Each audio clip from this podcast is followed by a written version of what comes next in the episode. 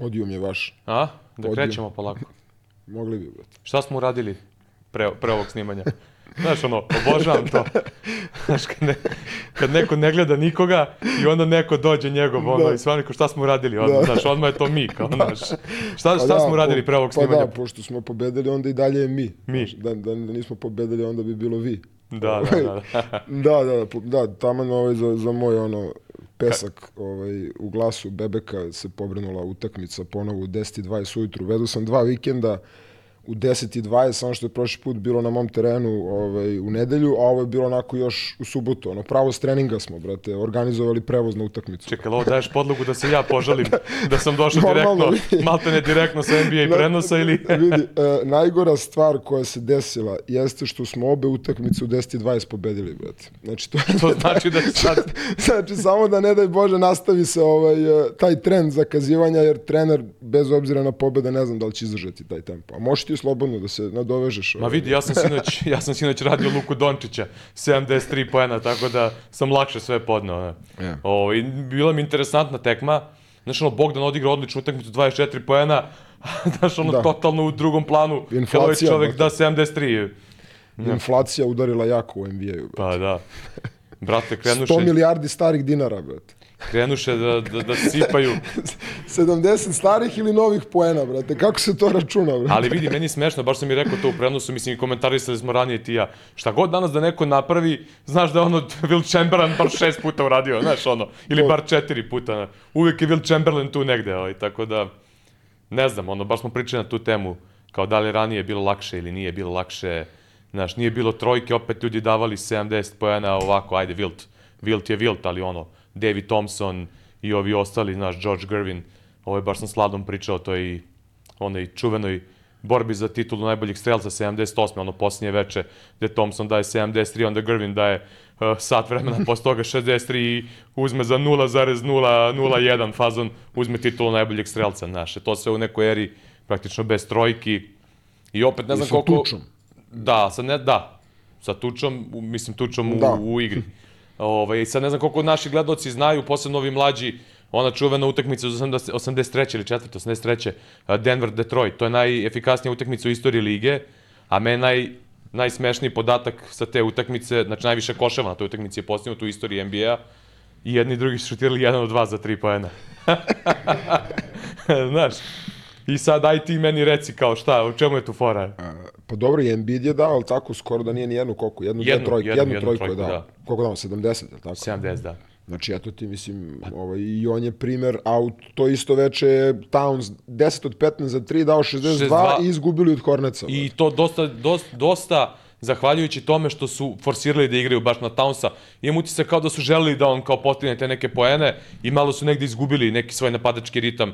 I ovaj, do duše, onaj posljednji je bio, ne da je bio faul, nego ono je sramota šta je bilo, da ljudi onakav faul ne sviraju. Eto, pričamo stalno o suđenju u Euroligi, mi kad pričamo o suđenju ne pričamo konkretno o odlukama, nego o nekim stvarima i Tendencijama. tendencijama, da, ali ono da ljudi onako nešto ne vide, ne bi I sad, cela ta tehnologija pada u vodu, kad ti onakav faul ne vidiš i ne možeš da ispraviš takvu grešku. Čemu mi pričamo onda?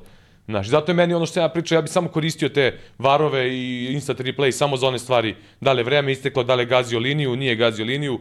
Ovo ostalo je, brate, već postalo onako malo iritantno. Sad video sam juče, sad nema šanse da se setim da, da li negde, ovaj, možda i nije istinito, mislim da se vidio na Instagramu ili tako negde, tako da možda nije tačna informacija. kao da se Instagram, ponovi- a? Čuveno. da će se ponovi neka utakmica futbolska zbog vara, ne mogu sad se setim da li Belgijska video. liga, nisam ja siguran, nema šanse sad da se setim, ali sam ovaj, baš to video kad si pomenuo to var i replejeve. Ja, ja se samo plašim što se toga tiče, mi idemo u neku ovaj, e, čudnu eru, neka čudna, znaš, ono, neistražene vode po pitanju baš tih stvari, E, da li je bilo, nije bilo, koja je onda poenta kad se ne, na kraju takve, takve ovaj, događaje desi, ili recimo ono što smo pričali protiv Real Madrid i Efes, ona situacija sa Musom, ne znam, mislim, to, Pa američki futbol to radi najbolje, definitivno i svi su njih uzeli da kopiraju, a ovi ostali svi sportovi, evo, i sad i na ovom rukometnom prvenstvu vidim da i tu isto sad ima Da, i gol snimka. Francuza, ali gol Francuza, o, sinoć drama čitava, vidim, svi živi skaču. I Je. nekako mislim da tu treba definisati malo bolje ovaj situacije, pogotovo što uh, opet jednu stvar koju, koju mi se čini da, da ljudi koji implementiraju ta pravila ne razumeju, to je da svaki sport priča za sebe. Prošle epizode smo pričali o toj specifičnosti američkog futbala i tome da je svaki napad se prekida i onda samim tim je mnogo veća mogućnost Tako i je. za ponavljanje i za challenge, a, dok recimo u sportu kao što je košarka, pa i rukomet, mada tu ima sitnih prekida, ovaj, ti konstantno ti ubijaš tok utakmice, remetiš tok sa nekim zaustavljanjima, odlukama, ne znam, mislim... Ovaj... Ne, ne znam da si video uh, i na, na Alba Zvezda i šta sam sinoć gledao, da li na FS Monako, bilo je par nekih situacija, challenge-a, gde se gleda ko je posljednji igrao loptom. Ne možeš da vidiš. Ne možeš da vidiš, pa da, ono, da. Ne, toliko je ono zamagljen, zamagljen snima kad se zoomira, ne možeš da vidiš. Pa zato što, Znaš, nezahvalno ali ti si sud... pričao o tome više puta, pa, o da. nedostatku e, ka, dovoljno kamera u Ili samoj hali. Kuglova, da. Pa da, ali opet mislim da je to vezano za, za samu kameru, što više kamera možeš i da napraviš neki ugao. Da, sinoć Rodi Buba daje onu kao trojku koja je prinačena u dvojku, oni ga zoomiraju, brate, ti ne možeš sa 100% sigurnosti se tvrdiš, iako ti deluje da jeste minimalno gazio, ali da. seti se Durentovog gaženja protiv Milvokija. Noktom. Brate, kako si video ono jasno i sve, znaš. Tako da ne znam, ono, tu smo, tu smo još uvek daleko pa da. od NBA, ma da tu u NBA se dešavaju ovakve greške, znaš, da, da onakav faul. Mislim, prošle godine, ono, Boston Lakersi kad na Lebronu nisu svirali, on isto faul. Praktično poslednji šut na utakmici, Ovo je sad bilo još drastičnije, ne, ne, nevjerovatno. Je, je li to onda implementacija onog čuvenog pravila da se zadnji napad ne svira? Da, da, da. ne da, svira da. faul. ne to je stara e, škola. vidi, nešto, nešto sam ovaj, ovih prethodnih dana tako uzeo sam neke stare utakmice, sam pogledao malo neke ono iz ranih 2000-ih i to i ovaj e, sa ove vremenske distance, kad pogledaš, nisam ono ni protiv ovih stvari koje, koje su uvedene, ali samo kažem da bi... Samo da, samo implementacija da, da, bolja da bude. Bolja implementacija i mislim da samo u određenim situacijama bi se koristio. Jer ranije zaista bilo ono baš i čudnih kriterijuma i takve neke gluposti, razumeš, koji se sviraju ili ne sviraju, Znaš, tako da ne, ne znam, ono, kad pogledaš tako s neke vremenske distance, svi mi romantizujemo ono nešto kao ranije je bilo bolje, ovo ono, međutim kad pogledaš ono realno, dosta, dosta veći kvalitet je i suđenja i, i sve ostalo. Ajde, možda sad prava prilika ovaj, ono što sam ti poslao da, da napomenemo, uh, sada već kad pričamo o tome. Gigi Lamonika je bio gost Kajla Heinza u njegovom podcastu na Evroliginom uh, YouTube kanalu, tako da to moja preporuka svim našim slušalcima i gledalcima da pogledaju. Već smo pričali o tome, meni se sviđa što Evroliga radi one filmiće, ono kamere na sudijskom dresu, uh, iako kažem sigurno tu dosta isečeno i namontirano, ali nekako mi se sviđa ceo taj E, prikaz odnosa sudija, igrača i trenera, da publika shvati da ipak to nije takva tenzija kao što se misli. Ovaj, a, a ovo što je Gigi Lamonika pričao, dosta ima nekih stvari gde je pričao o recimo tim problemima sudija, kako oni trebaju da se priviknu na neke nove implementacije, na, na neka nova, nove interpretacije pravila i dosta onako neko, kad vidiš to poštovanje između Lamonike, ja sam Lamoniku, inače, iako je on bio jedan od onih koga su svi stalno, meni uvek bio ono gotivan sudija, znaš, voleo sam te sudije tako koji imaju neki, neki ono stav, ovaj dramski moment. Pa i to izražen. znaš, ali to nije ono izražen dramski moment ono bez ikakvog pokrića. Da. Znaš, tako da ovaj Nemam pojma. E, preporuka da se to pogleda ne traje dugo, ali onako, dosta nekih lepih pričica koje onako otvore vidike ako neko ne razmišlja o tome, jer ovaj, zaista ono što mi pričamo, nije ni sudijama lako. Milion stvari, onda on sad to objašnjava kako sudije rade scouting ekipa, igrača i sve ono što mi negde napominjali otprilike da, da se radi, ali da su sudije sada sa ovim tehnologijama dovedene u situaciju da moraju da rade 300 nekih stvari koje možda nisu potrebne Ovaj, tako da, eto, možda da ne bi ja sad tu nešto pričao, poslušajte Gigi Lamoniku kod Kajla Heinza i Heinz, koji inače moram i to da kažem, fenomenalno vodi te podcaste, postavlja onako prava pitanja, interesantno. On stavi se u ugao kao da je dete, ono koga zanima, zanima neke stvari, stvarno dobra pitanja postavlja i onako baš lepo, sam, lepo mi onako leglo, pogledao sam to u, ovaj, onako u, u cugu. Pa ne bi ni on mogao da ima karijeru kako je napravio s uticajem koji je imao svuda, da nema tu vrstu znatiželje, mm -hmm. radoznalosti, da ga ne zanima košarka na taj način, da nema tu ljubav prema sportu. Tu bi se samo nadovezao na ono što si ti već pričao pre par epizoda, ovaj, kada si rekao da treba dati više slobode sudijama, ne naravno u smislu slobode da rade šta hoće, nego da ih uh, upravo ta, uh, ta nova pravila, non stop neke promene, sitnice, uh, ono guidelines, što bi se reklo, znači non stop se to menja, čak čak i u toku jedne sezone, imam utisak nekada da se promeni ovaj težište Jeste, način jeste, suđenja i to je stvarno nezgodno za sudije da non stop menjaju, da pritom i, ovaj, su stavljeni u poziciju da redko ko od njih može u utakmici da nametne neki svoj kriterijum, da kažem ono prosto da, da ono što je po njegovim nekim ovaj, Tako je, kriterijima faul. nego su stalno pod pritiskom da moraju Upravo da ispoštuju ono što, što očekuje Jeste, većina. I nema osnovu- osjećaja tu, onoga, je. smanjio se ta, ta količina osjećaja, jer uvek najbolje sudije, kao i najbolji treneri, najbolji igrači su oni koji imaju osjećaj Tako za je, samu igru. tako je, to je I to, to je znaju da suština. puste neku situaciju prednost, što bi se reklo, ako to zvanično ne postoji u košarci, ali da prosto namirišu ili ako vide slučajno da je negde kontakt, da na vreme osete, da upozore ili da iseku faulom, ovaj, da sude pa da upozore igrači, to je super stvar. Što tiče tih kamera, tu možemo da vidimo i tu komunikaciju s igračima, da mu objašnjava, nemoj držati ruke Tako zbog je. toga, sudio sam ti faul zbog toga i toga i to stvarno jeste super stvar i, ovaj, i slažem se sa tobom da definitivno uh, je to sve dobro, samo kažem treba naći malo bolji način, apsolutno nisam protiv uh, svih tih novih stvari i replaya i vara, mislim ovog našeg košarkaškog, kako god se zvao, ali prosto samo da se tu nađe ovaj mera i Neka da se mera, ne da. ubije, da se ne ubije intenzitet i tok utakmice. Ne, svakako, svakako kažem ti, meni se to baš dopalo sve, ovaj, e, i komunikacija igrača, i igrača i sudija i sve ostalo, tako da zaista, ono, mi, moram da pohvalim Euroligu u tom smislu, što radi na, na, na tome, onako, to je onako meni suština. Znaš, hoćeš da smanjiš tenzije i generalno, e, ovo što ti rekao, e, stalno neke promene, interpretacija i svega ostalog, dovodi do svakih prvih 5-6 kola u sezoni, znaš, sudije nešto moraju da e, na, na silu, po znacima navoda, forsiraju, onda tokom sezone e, to. to, to prestanu, znaš, a to je sve pod tim nekim pritiscima promena, e, nekih interpretacija i sve ostalo i tebe dovede do, do toga, eto mi smo konstatovali da ove godine ima dosta grešaka u Euroligi, ali sve ukupno kad ovako realno pogledam, kad, kad sve, mislim da je, znaš, još kad vratim film na to neko staro, mislim da, mislim da zaista suđenje onako ima grešaka, naravno, bit će ih, bit će ih stalno, ali meni je najbitnije da nema tendencije. Pa, Znaš, ono, da li, da li im- ima grešaka? Naravno da ima. I biće, ali da li, i biće ali, katastrofalnih grešaka i uh, sve. mi, I, I, to, I to je Lamonika između ostalog priča i to trebaju gledalci da obrate pažnju. Isto je priča o tome, analiza grešaka, uh, priča je o protokolima kako sudije uh, moraju da, da, da, da kažem, napišu izvešte o, svojim, o svom suđenju, o svojim greškama, tako da sad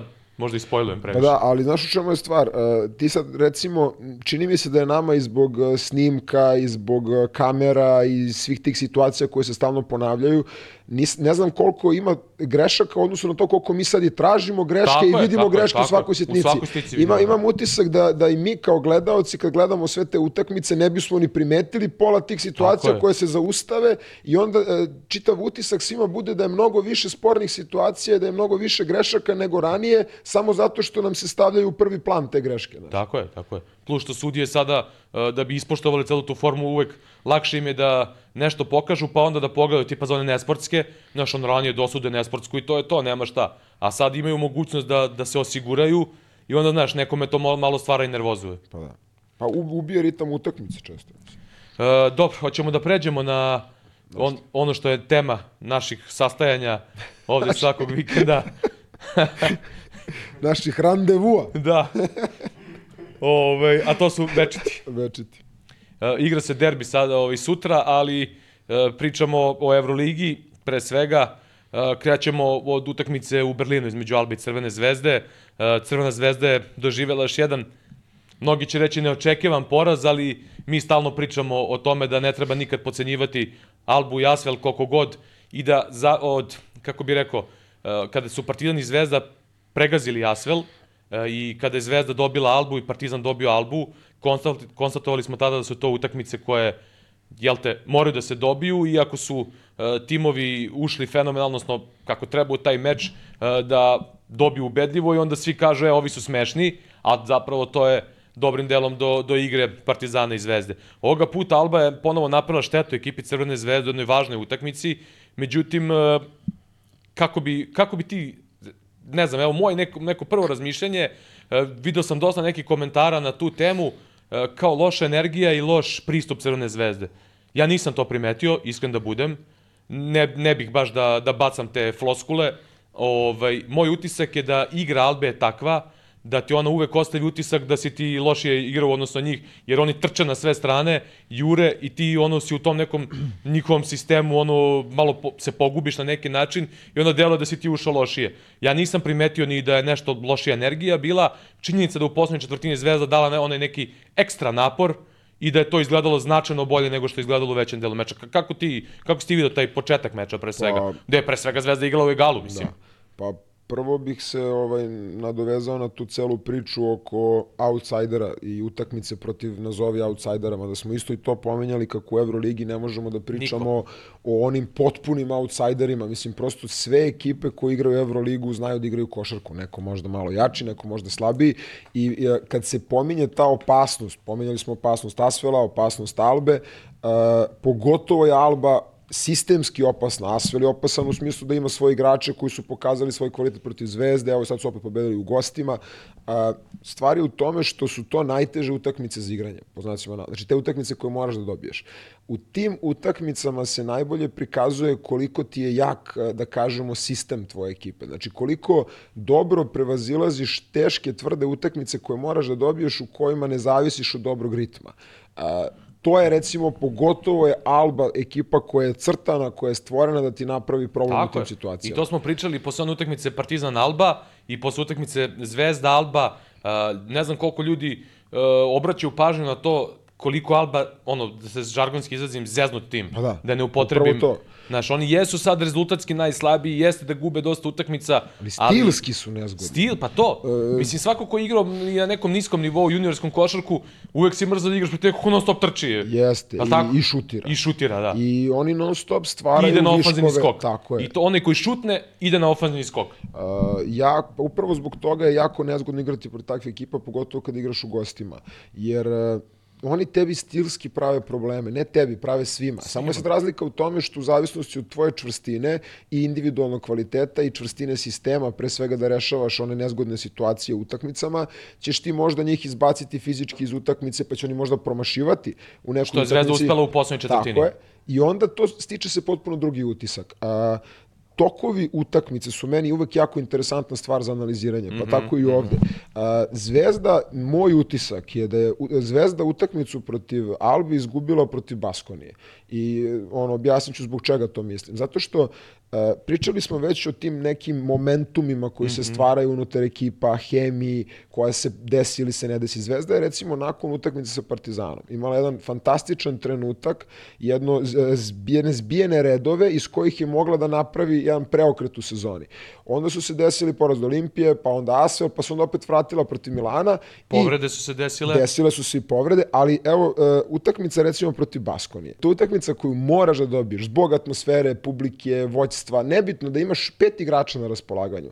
A, ti kada u takvoj utakmici izgubiš, to prosto se odražava i dalje ono kao onaj ripple efekt. Znači non stop te to prati i onda tebi se svodi sezona na kraju da sračunaš poraz od Asvela, poraz od Baskoni i sad imaš poraz od Albe koji ti ubijaju prosto čitav ritam u sezoni, bez obzira na povrede. Ti sa recimo pobedom protiv Baskonije, ti ulaziš ponovo u dobar ritam, dobru energiju, Ovaj, I onda je to nešto što mislim da je jako bitno kada se analizira Zvezda. Ne možemo da analiziramo jednu utakmicu van konteksta ovih svih koji su desili pre toga, a što se tiče uh, utakmice sa Albom i te vrste energije, Zvezda jednostavno nije ekipa koja tebi odaje utisak i kada ima energiju nema taj ekstra napor u svojoj konstanti zbog pre svega tog tipa igrača koji su u mhm. Zvezdi, je li tako? Znači nije to više taj sistem koji si pre imao kada je tu bio Radonjić trener, gde je to njima default setting, razumeš da su u čvrstini, u kontaktu, u faulu, non stop i da tebi utakmica zavisi od toga koliko će oni da realizuju napada, a da ti ovo konstanta. Nego je prosto Zvezda ekipa koja, koja e, mora koncepcijski, timski, taktički da stvara dobru odbranu, pa iz toga da ovaj, odaje utisak bolje energije. Znaš. Uh, Zvezda je u nedostatku Teodosića i Topića, ovaj, sa povratnikom Nedovićem koji imao neku, da kažem, ograničenu minutažu, opet bila prinuđena da joj neki, eh, ono, kako kažu, ono, focal point, ono, eh, napada bude, budu kretnje Gidraitisa. Da. da od toga zavisi dosta u kreaciji. Eh, ponovo na početku je Zvezda probala da otvori preko eh, Bolomboja, međutim, eh, nekako sistemski je to Baskonija, pričali smo s nekim preuzimanjima, onemogućila gde je falio Todosić da podeli neki hazarderski pas dole pod Da. koš, a ovde mislim da je Alba to jedan na jedan isparirala uh, sa Kumađeom i sa ostalim igračima, jednostavno Bolomboj nije mogao da napravi tu prednost, tako da je negde Zvezda bila, po mom mišljenju, ne mogu kažem osuđena uh, na, na, na, na ovu vrstu igre, ono off screen, uh, jer sve što su probali u pick and rollu Kumađe tu u dropu bio, zatvorio prilaz reketu i jednostavno u tom, tim momentima mislim da je to bio jedan od glavnih problema na samom početku utakmice. Pa nisu mogli da uđu u pravi ritam, jednostavno, Mhm. i to je, to je suština. A, tu se opet, zbog čega ja mislim da Bolomboj ne može da otvori dobru utakmicu kao protiv Albe, što čovjek igrao protiv Albe 34 minuta. On sada je vezao veliki broj utakmica u kojima igra 30 plus minuta.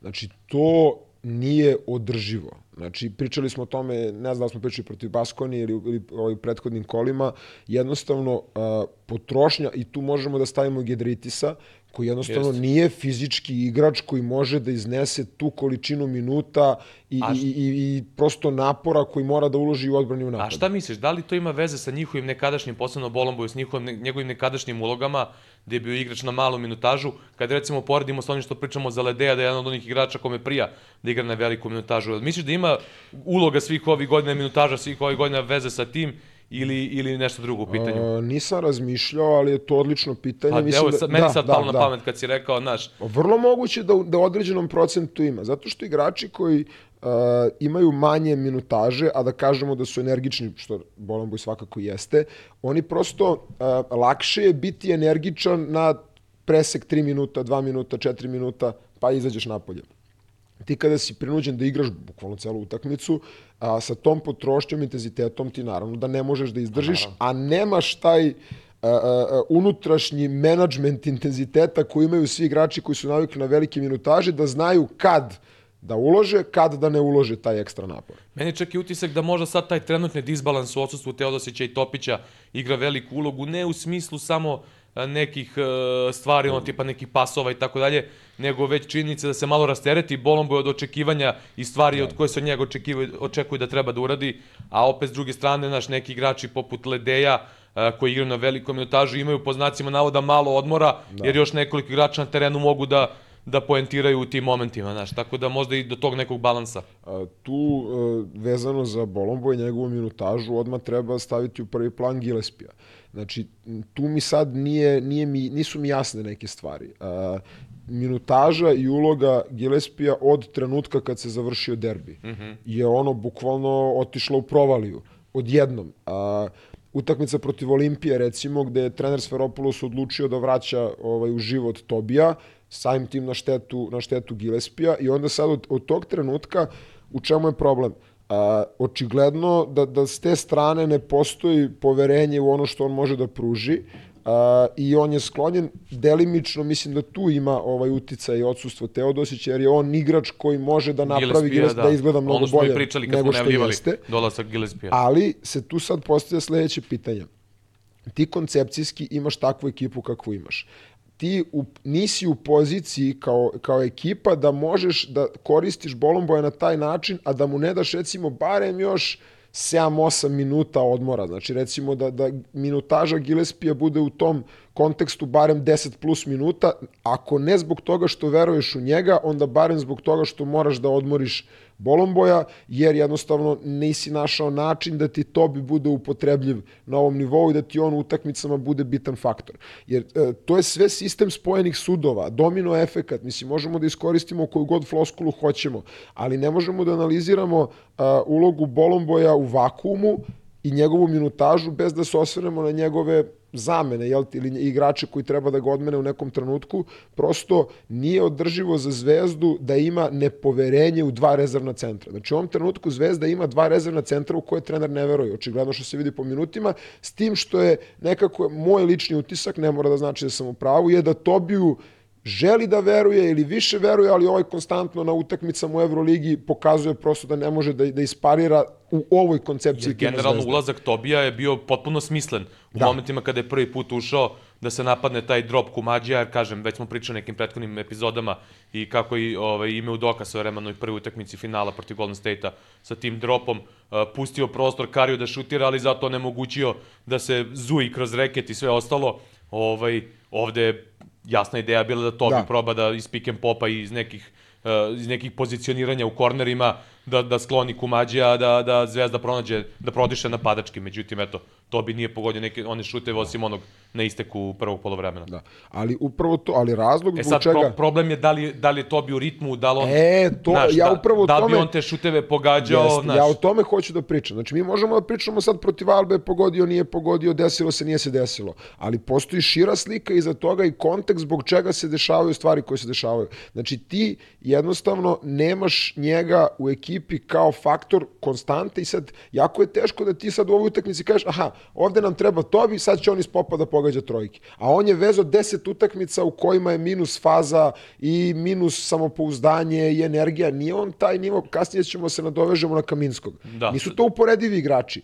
Kvalitet Kaminskog i kvalitet Tobija, znači to nije uporedivo, u korist naravno Kaminskog. Jer takav igrač će možda i moći da ti iz male uloge uskoči, završi posao, što bi se reklo. Igrač kao što je Tobi, on mora da bude u nekoj konstanti uloge minuta da bi ti pružio to što ti hoćeš, jer da tako funkcioniše košarka, da tako funkcioniše sport. Ja i ti znamo da je ovaj brz, aj ubacimo ovog brzog, on će da nam završi posao. Da, da. Pa nije, ne, to ne, ovaj ima šut, e, on će da nam pogodi sa šute, pa treba da mu se iskreiraju ti šutevi, treba on da bude u ritmu. Sve te stvari zajedno, znači kumulativno ti taj napor koji smo pričali, o- koji ulože Bolombo i njegove minutaže, on te kumulativno stiže kasnije, znači ti si pobedio u Milanu, ali ti si nastavio da njega koristiš u preteranim minutima i onda ti se desi ofanzivni skok Monekija, desi ti se takve situacije, zašto? Pa desi zbog ovoga od ranije. Znači, ili moraš da pronađeš neko poverenje, da na neki način aktiviraš Gillespija, Tobija, koga god, ili ćeš da gubiš utakmice da će konstantno da bude piti kao pa šta se desilo, ne znam zašto Bolomboj nije otvorio ili nije završio dobru utakmicu, zašto ovaj nije, za... zato što je to nešto što se akumulira i skuplja. Akumu, akumulirani Tako umor i je. kompenzacijski memorlog, kao što To. smo citirali već I to, čuveno i od a stvarno, znaš, nije, nije tu nikakva nuklearna fizika da, da se razume, znači vrlo je prosto, ti moraš da imaš određeni balans uloga, minutaža kroz lige koje igraš da bi mogao da Otvo- kombinuješ. Otvorio si sad jedno prozorče, ovaj, kad si pomenuo Kaminsko, ja sam teo kasnije da pričam o tome, ali idealan šlagvort i trenutak da se sad na to nadovežemo. Uh, pričali smo na, u ovoj prve dve, tri epizode, kada smo najavljivali, pričali kako i publika, pre svega publika, ali mislim da i mnogi drugi, odnosno uh, i treneri, i igrači, ali igrači takođe, i pratnja njihova. trebaju da shvate da sada, pričamo konkretno iz uloge Partizana i Zvezde, ali Real i ovi neki e, klubovi koji su ranije godina bili u tome dominantni, sada kad imaš rostere od pod 14, 15, 13 igrača, e, moraš da budeš spreman da neki igrači e, neke utakmice neće ulaziti. E, I da, da, da, na to publika mora se navikne. Posebno kad su dupla kola, da ima nekih protivnika koji nekom igraču više leže, neki manje leže i da treneri mogu da rotiraju.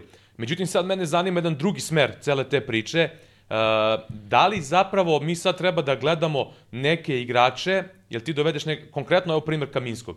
Mi smo pričali cele sezone i ja isto ono stalno objašnjavam i neko to shvata, neko ne shvata. Uh, da li mi treba da gledamo, lupam, primjer Kaminskog, je on došao kao nosilac u Partizan? Ili ne treba da gledamo? Jer ako je došao kao nosilac, mi možemo da pričamo o tome da li je podbacio u sezoni ili nije podbacio. Ali ako ga gledamo kao o, igrača koji je došao kao jedno vrhunsko pojačanje za određene stvari koje donosi timu, onda treba da gledamo taj način da će Kaminski moći da doprinese u nekim utakmicama na određene načine, kao što je bio slučaj sinoć, kao što je bio slučaj protiv Mege, kao što je bio slučaj u utakmicama protiv Crvene zvezde i tako dalje i tako dalje, a na nekim mečima neće moći da uđe kao što je slučaj protiv Makabija. E Sad, šta je umeđu vremenu bilo no, protiv Cibona i to, kažem, u to ne ulazimo, nemamo informacije, ne znamo kako je čovjek trenirao, e, ne, ne, ne znamo koja je uopšte neka, neka ovaj, dinamika ekipe bila tih dana, to su stvari u koje se naravno ne mešamo, jer ne znamo ništa o tome, ovaj, ali da li onda i igrači trebaju da kažem, ti koji dolaze, da imaju taj neki pogled, ok, dolazim tu, da li on treba da gleda da je nosilac, nije nosilac, da li je njegova uloga takva ili takva, to su već stvari koje se unutar ekipa definišu. Ovaj, zašto to hoću da kažem? Jer mislim da je čak i na Tobiju možda neki preveliki pritisak očekivanja da je on došao kao nosilac i da je utisak da on to sad ne ispunjava i da njega to opterećuje. Tako da ovaj, možda i tu negde leži ono ključ problema uz činjenicu da, da nema neki ritam, znaš. Tako da, Jer on je čovek koji ove sve stvari, ono, kad igra uz Dončića, kad igra u Da. Valenciji, to, to su stvari koje pogađa, ali nikad on nije bio nigde nosilac. Znaš, sve iste neke uloge iz drugog reda radio sjajno i pogađao. Ove, mislim da mu je sad trenutno takva uloga u Crvenoj zvezdi, ali ne pogađa. Međutim, znaš, da su možda bila neka veća očekivanja od njega ili on imao neka veća očekivanja pa se opteretio, to već ne znam, ali ove, činjenica je da on ima ono uspona padova, krene, pomisli što je to, pa opet nema ga nigde. E, pa mislim da je to direktno vezano za stvari o kojima smo više pričali na početku sezone za Zvezdu, ovaj kasnije to malo uh, utisak da je bilo da je ekipa bila na dobrom putu da pronađe svoje rotacije, minutaže, identitet i da je onda taj korak koji je trebao da se napravi konačni uh, izgubljen ovim utakmicama koje sam pomenuo koje je Zvezda izgubila. I onda je jedan deo problema zbog čega ne može da se privikne Tobi je upravo to što ni drugi ne urade neki posao koji trebaju da urade i onda on ispadne još gore. Jer, jer meni je takav utisak za Tobija da je to igrač koji funkcioniše u sistemu u kome zna tačno dokle ide, tako je, tako je. A, šta je njegovo, šta nije njegovo, a ekipa kada gubi i kada nije u pravom ritmu, onda počnu svi da rade sve. I ovaj, kada svi moraju da rade sve, kao i, ne znam, i u firmi ili bilo gde, jednostavno stvari ne mogu da funkcionišu kako treba i onda će da se dešavaju ti usponi, padovi, ekipe, igrača ovaj, i to je nešto na čemu na čemu, da kažemo, Zvezda treba da radi najviše u narednom periodu, što je mnogo teško uraditi opet, jer je sve, pogotovo sad imamo dokaz za to. Pričali smo već o tome na početku, koliko sve u Zvezdi zavisi od Teodosića. Znači, da. mi smo došli do tačke gde, gde, gde pola u šali, pola u zbilji, uh, možemo da konstatujemo da ti treba Teodosić i za odbranu. Mm -hmm. Makar zbog svoje inteligencije, ako ništa drugo.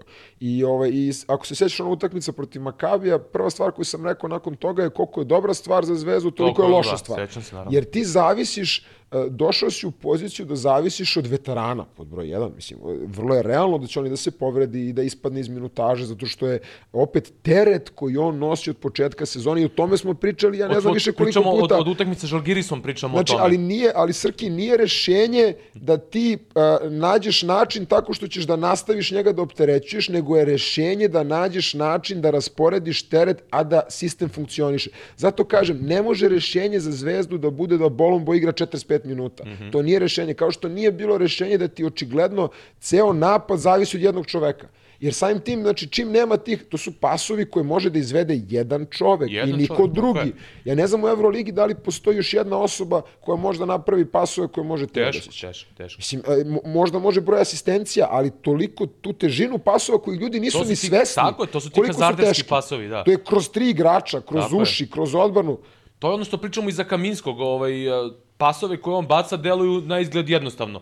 Kao, da, znaš, on, posebno kad prođe taj pas, svi kao, ovo je lak pas, znaš. On, on je Ali ta brzina, br, brzina reakcije i to sve, i ta sva vrata koje on otvara Tako na terenu kad je u igri, to je neka stvar na koju bi ljudi trebali da obrate malo više pažnju, ovaj, a ne samo da gledaju, naš, kroz neki učinak kakav je tipa Lesor donosio. Ono što stalno da. pričamo od početka sezone i što smo pričali i za Teodosića, jednostavno to su neki detalji koji prave razliku, a koji deluju, mislim, tu, tu se majstori razlikuju što rade Tako. neke stvari, ok, Teo radi neke pasove koje ne može niko da napravi, ali generalno toliko tih stvari na utakmici on uradi da niko ni ne primeti, jer misle svi to je jednostavno, je. kao znaš. Ali tebi to stvara potpuno nerealnu sliku, e, što je sad opet, zašto Zvezda ne može da pronađe rešenje utakmica? Zato što si, kažem, navikao, to su pasovi koje, može da, koje, koji su prosto neverovatni, a te, ti postaviš napad tako da mora da se desi taj pas da bi dao koš, može jedan čovjek pa, da ga baci. To je ono na početku utakmice protiv Baskonije što sam rekao, to mi je bilo Sim, najupadljivije. Ti moraš da nađeš rešenja. Da je Zvezda igrala one cross screenove da. i sve ono što su pokušali za Bolomboja, Baskonija preuzme, ali onda, znaš, taj pas je te, teško baciti, znaš. Kad, zato, što, kad... zato što ti otvaraš opcije. Sad, opcije koje otvaraš zavise od mogućnosti ovaj, koje igrači mogu da podnesu. To je razlog zbog čega, ne znam, ono, u mlađim pionirima je dobra odbrana da svi stanu u reket, mislim, kad sudija ne sudi zonu, jel? Znači, zato što niko ne može da pogodi taj šut. To ne znači da. da je to stvarno dobra odbrana. Tako i ovde. To ne znači da je stvarno dobar napad ako tvoj napad zavisi od toga da, da e, tvoj igrač mora konstantno da baca Hall of Fame pasove, brate. Mislim, da, da znači, da, da. nešto tu nije kako treba, jel tako? I, ovaj, I onda dođeš u poziciju sa Jagom i to što ti kažeš, pokušaš te iste stvari i tebi sad utisak dok gledaš kao da Zvezda igra drugo nešto. Ne, oni igraju isto, to samo je pre toga bio majstor koji gađa u trepavicu, a sada je igrač koji ima taj zastoj na tom nivou je dovoljno da imaš pola sekunde zastoj. Tako je. I kraj.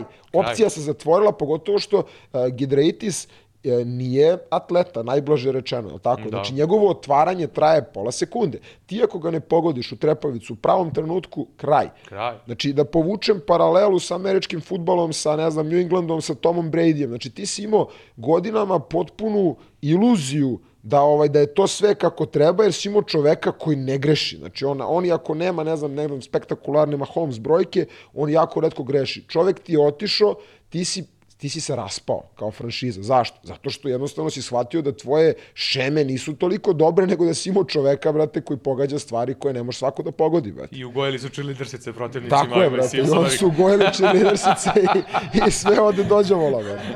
Ali koliko je meni jaka konstatacija u toj epizodi, Simpsonovi kad kaže, kad kaže ovi navijači Patriotsa kao kao ne možete da osporite to što smo uzeli 12 titula u 10 godina.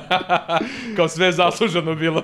Imaš ono, sad kad si rekao cheerleaders, imaš ono, onaj replacements, onaj se replacements zove onaj film sa Keanu Reevesom, kao kad, eh, kad, ne znam, ovi kao odu u štrajk, ove glavne zvezde, i onda oni neće u štrajk da idu kao klub, pa pozovu sve neke bivše igrače. da, da, ono, da, da. I onda s cheerleadersicama, što ima fora u nekoj utakmici, ono, cheerleadersice faktički donesu ovaj, odbranu tako što dekoncentrišu. Pa bilo je ti e, a da, pokušaj, su po, da su ih podgojili, ne bi to. Da, ovaj. pa jeste, realno. ovaj, e, šta, šta, gde smo stali sa ovom utakmicom? Da, uh, takođe Jani Vecel isto je neko ko da. Ovaj, odradio dobar posao i na oba kraja parketa, to je isto ono što, što možemo da pričamo, mislim, on je meni, mislim da sam i pomenuo na jednoj od tih utakmica, onako igrač koji mi upao u oko, još dok je u Australiji igrao, onako, da. jedno telo, što se kaže sa, sa nekom onako old school. Momački.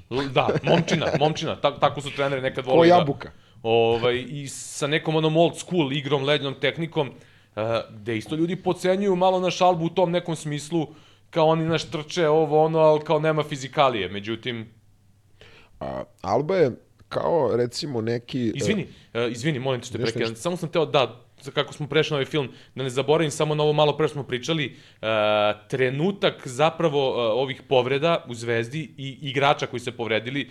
Pričali smo u većem delu sezone Lazić, Hanga, Uh, kol, kol, koliko su uticali defanzivno, kad su se oni vratili trenutak u kom su se povredili Teodosić, Topić i Nedović je bitno uticao. mogući, pa mislim. Znaš, da, sad, uh, mislim da bi mnogo, ne bezbolnije, ali lakše bi Zvezda možda premostila da je Topić, na primjer, zdrav, uh, lakše bi možda malo premostila ovaj odsustvo Teodosića, znaš. Samo sam to teo, jer ovaj dolazak Smarta još uvek se aklimatizuje. I ajde sad, pre nego što se vratimo na ovo, kad sam već otvorio ovaj prozor ovako, ovaj, u, Danas, otvaraš prozore, danas u, da, da, promaju da. praviš, brate. U, u, uleteo sam ovako, ovaj, u nekošeno, ovaj, da kažemo još, ovaj, uh, da možda, možda malo mi deluje sada uh, smartov, smartove mogućnosti definisanije u odnosu na ono što ti istako da. prošle nedelje, uh, kako će to izgledati kad se vrate Teodosić i ostali.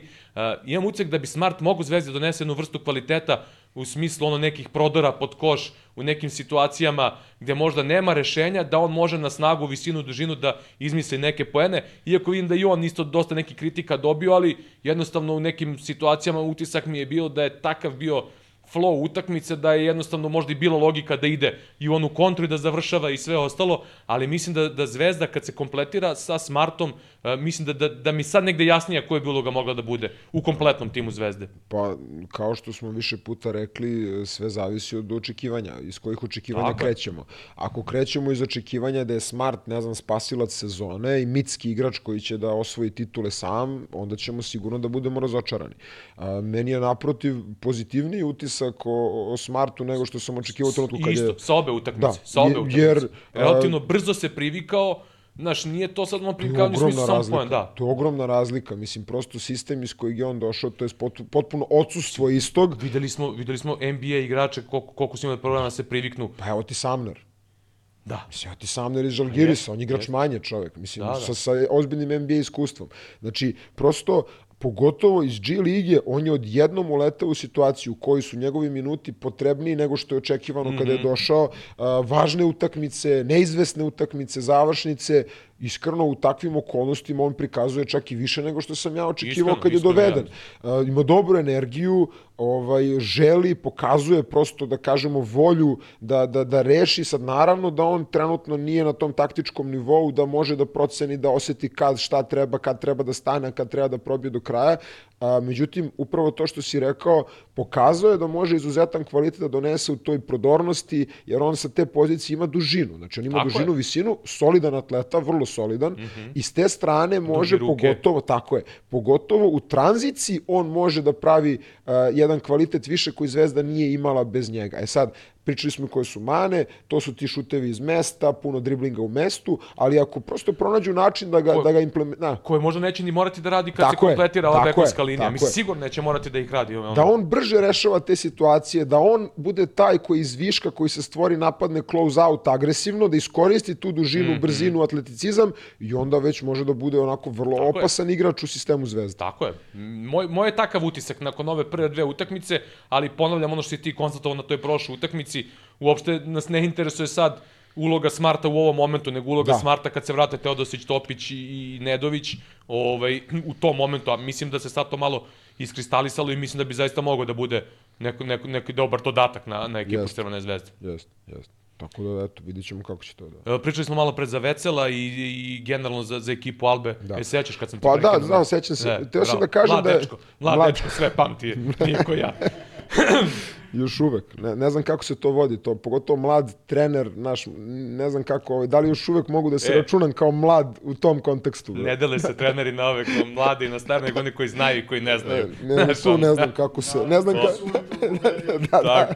ne znam kako se tu kotiram. Uh, uh, Hteo sam da kažem za Albu, one, zašto je toliko teško igrati protiv takve ekipa. To je onako ekipa, to se vidi i po raspodeli minutaže i po ulogama. Onako, uh, nema tu puno lica da ti sad znaš kako kontekstualno da ih braniš, na primer, recimo, uh, Srki je glavni igrač, njega da. zaustavlja, nego oni prosto svi rade sve na Svi terenu sve. i sad non stop su u kretnji, kao neka koleđ ekipa, kao neki A. Davidson, recimo sa five out Jest, napadom. jest. I onda ti kad braniš takvu ekipu, ti ne možeš da se koncentriš, aha, njega ćemo da usmerimo, pa ovi igrači ostali nisu toliko dobri šuteri, on je kreator s loptom, dugo drži loptu u rukama, ne. Nego prosto onako, svi su u samopouzdanju, bez obzira što im je skor takav kakav jeste. Oni dižu sa 8 metara, uh, non stop je širina i ti kao ekipa. E, to, teško možda da braniš to. dovežem na to. Uh, pričao sam i ranijih godina često u prednosima i pričao sam s nekim našim igračima koji su igrali za, za trenera Ita. Uh, a Ito je trener koji prvo, bar u ono vreme, nije mnogo posvećivao pažnje skautingu protivnika. Što je direktno, mislim, neka korelacija sa stilom igre njegovih timova. A sa druge strane, svi će vam treneri reći da je nestvarno teško skautirati ekipe Aita. E, trener e, Gonzales je njegov učenik, njegov pomoćnik je bio i nasledio ga je, tako da Alba igra na isti način kao što je igrala kod Aita. I upravo ti sad, što ti imaš tipa Meta Tomasa i još neki igrače kojima je dozvoljeno da šutnu nogom u prvoj sekundi napada, ti kao odbrana si konstantno, ono što stalno pričam, pod tenzijom, jer ne znaš šta te čeka. Da. Razumeš, ti kad braniš neki sistem koji je onako, e, da kažemo, e, tipičniji, znaš šta Predvidiviji, se... Predvidiviji. Pa ne, nego znaš ono kao imaš zonu šuta, pa kao da, ovde pa nije zona šuta, možemo da prođemo ispod bloka, ovde možemo preko bloka, ovo ono. Kad ti ovaj digne majstor 10 metara na povratnu, pa digne još jednu, na, ono, tri je šutno za redom, maltene, ti si tu pogubljen u startu. Zato što je mnogo- Možeš samo da se pomoliš da, da, ne ulaze u šutevi. Mnogo je teško da ti praviš ono što svi treneri moraju da prave koncepcijske rizike u odbrani protiv takve ekipe. Tako je. Jer pogotovo je Zvezda ekipa čiji defanzivni učinak zavisi od koncepcijskih rizika. I onda kada oni pogode te rizike, oni će izgledati kao dobra defanzivna ekipa ili će ljudi reći u odli, odigrali su odličnu odbranu u ovoj utakmici, a kada izađu iz tih rizika, to jest budu igraju protiv ekipe koja je e, šuterski opasnija, koja ovaj recimo pa kao što i Baskonija na kraju krajeva gde svi prete non stop, gde svi šutiraju, a onda ti sad ne možeš više da, da braniš tako, jer odjednom ti ne možeš da sakriješ više ni jednog igrača kog imaš u odbrani, nego i ovaj ko igra pet, i ovaj ko igra tri, ovaj ko igra dva, moraju na isti način da jure šutere i ti onda si ono na, na vetrometini i zavisiš od toga da li će Matt Thomas, da li će Sterling Brown, da li će bilo ko od njih da uđe u seriju Spanjolo, proći da nije ni bitno, jer ako oni uđu u seriju, ti više ti ne možeš prosto da braniš. I znaš gde se najbolje vidi još to? Ofanzivni skok. Da. Jer Alba je napravila, znači Zvezda je dobrim delom stradala od, od svog kvaliteta, po znacima navoda, od skoka.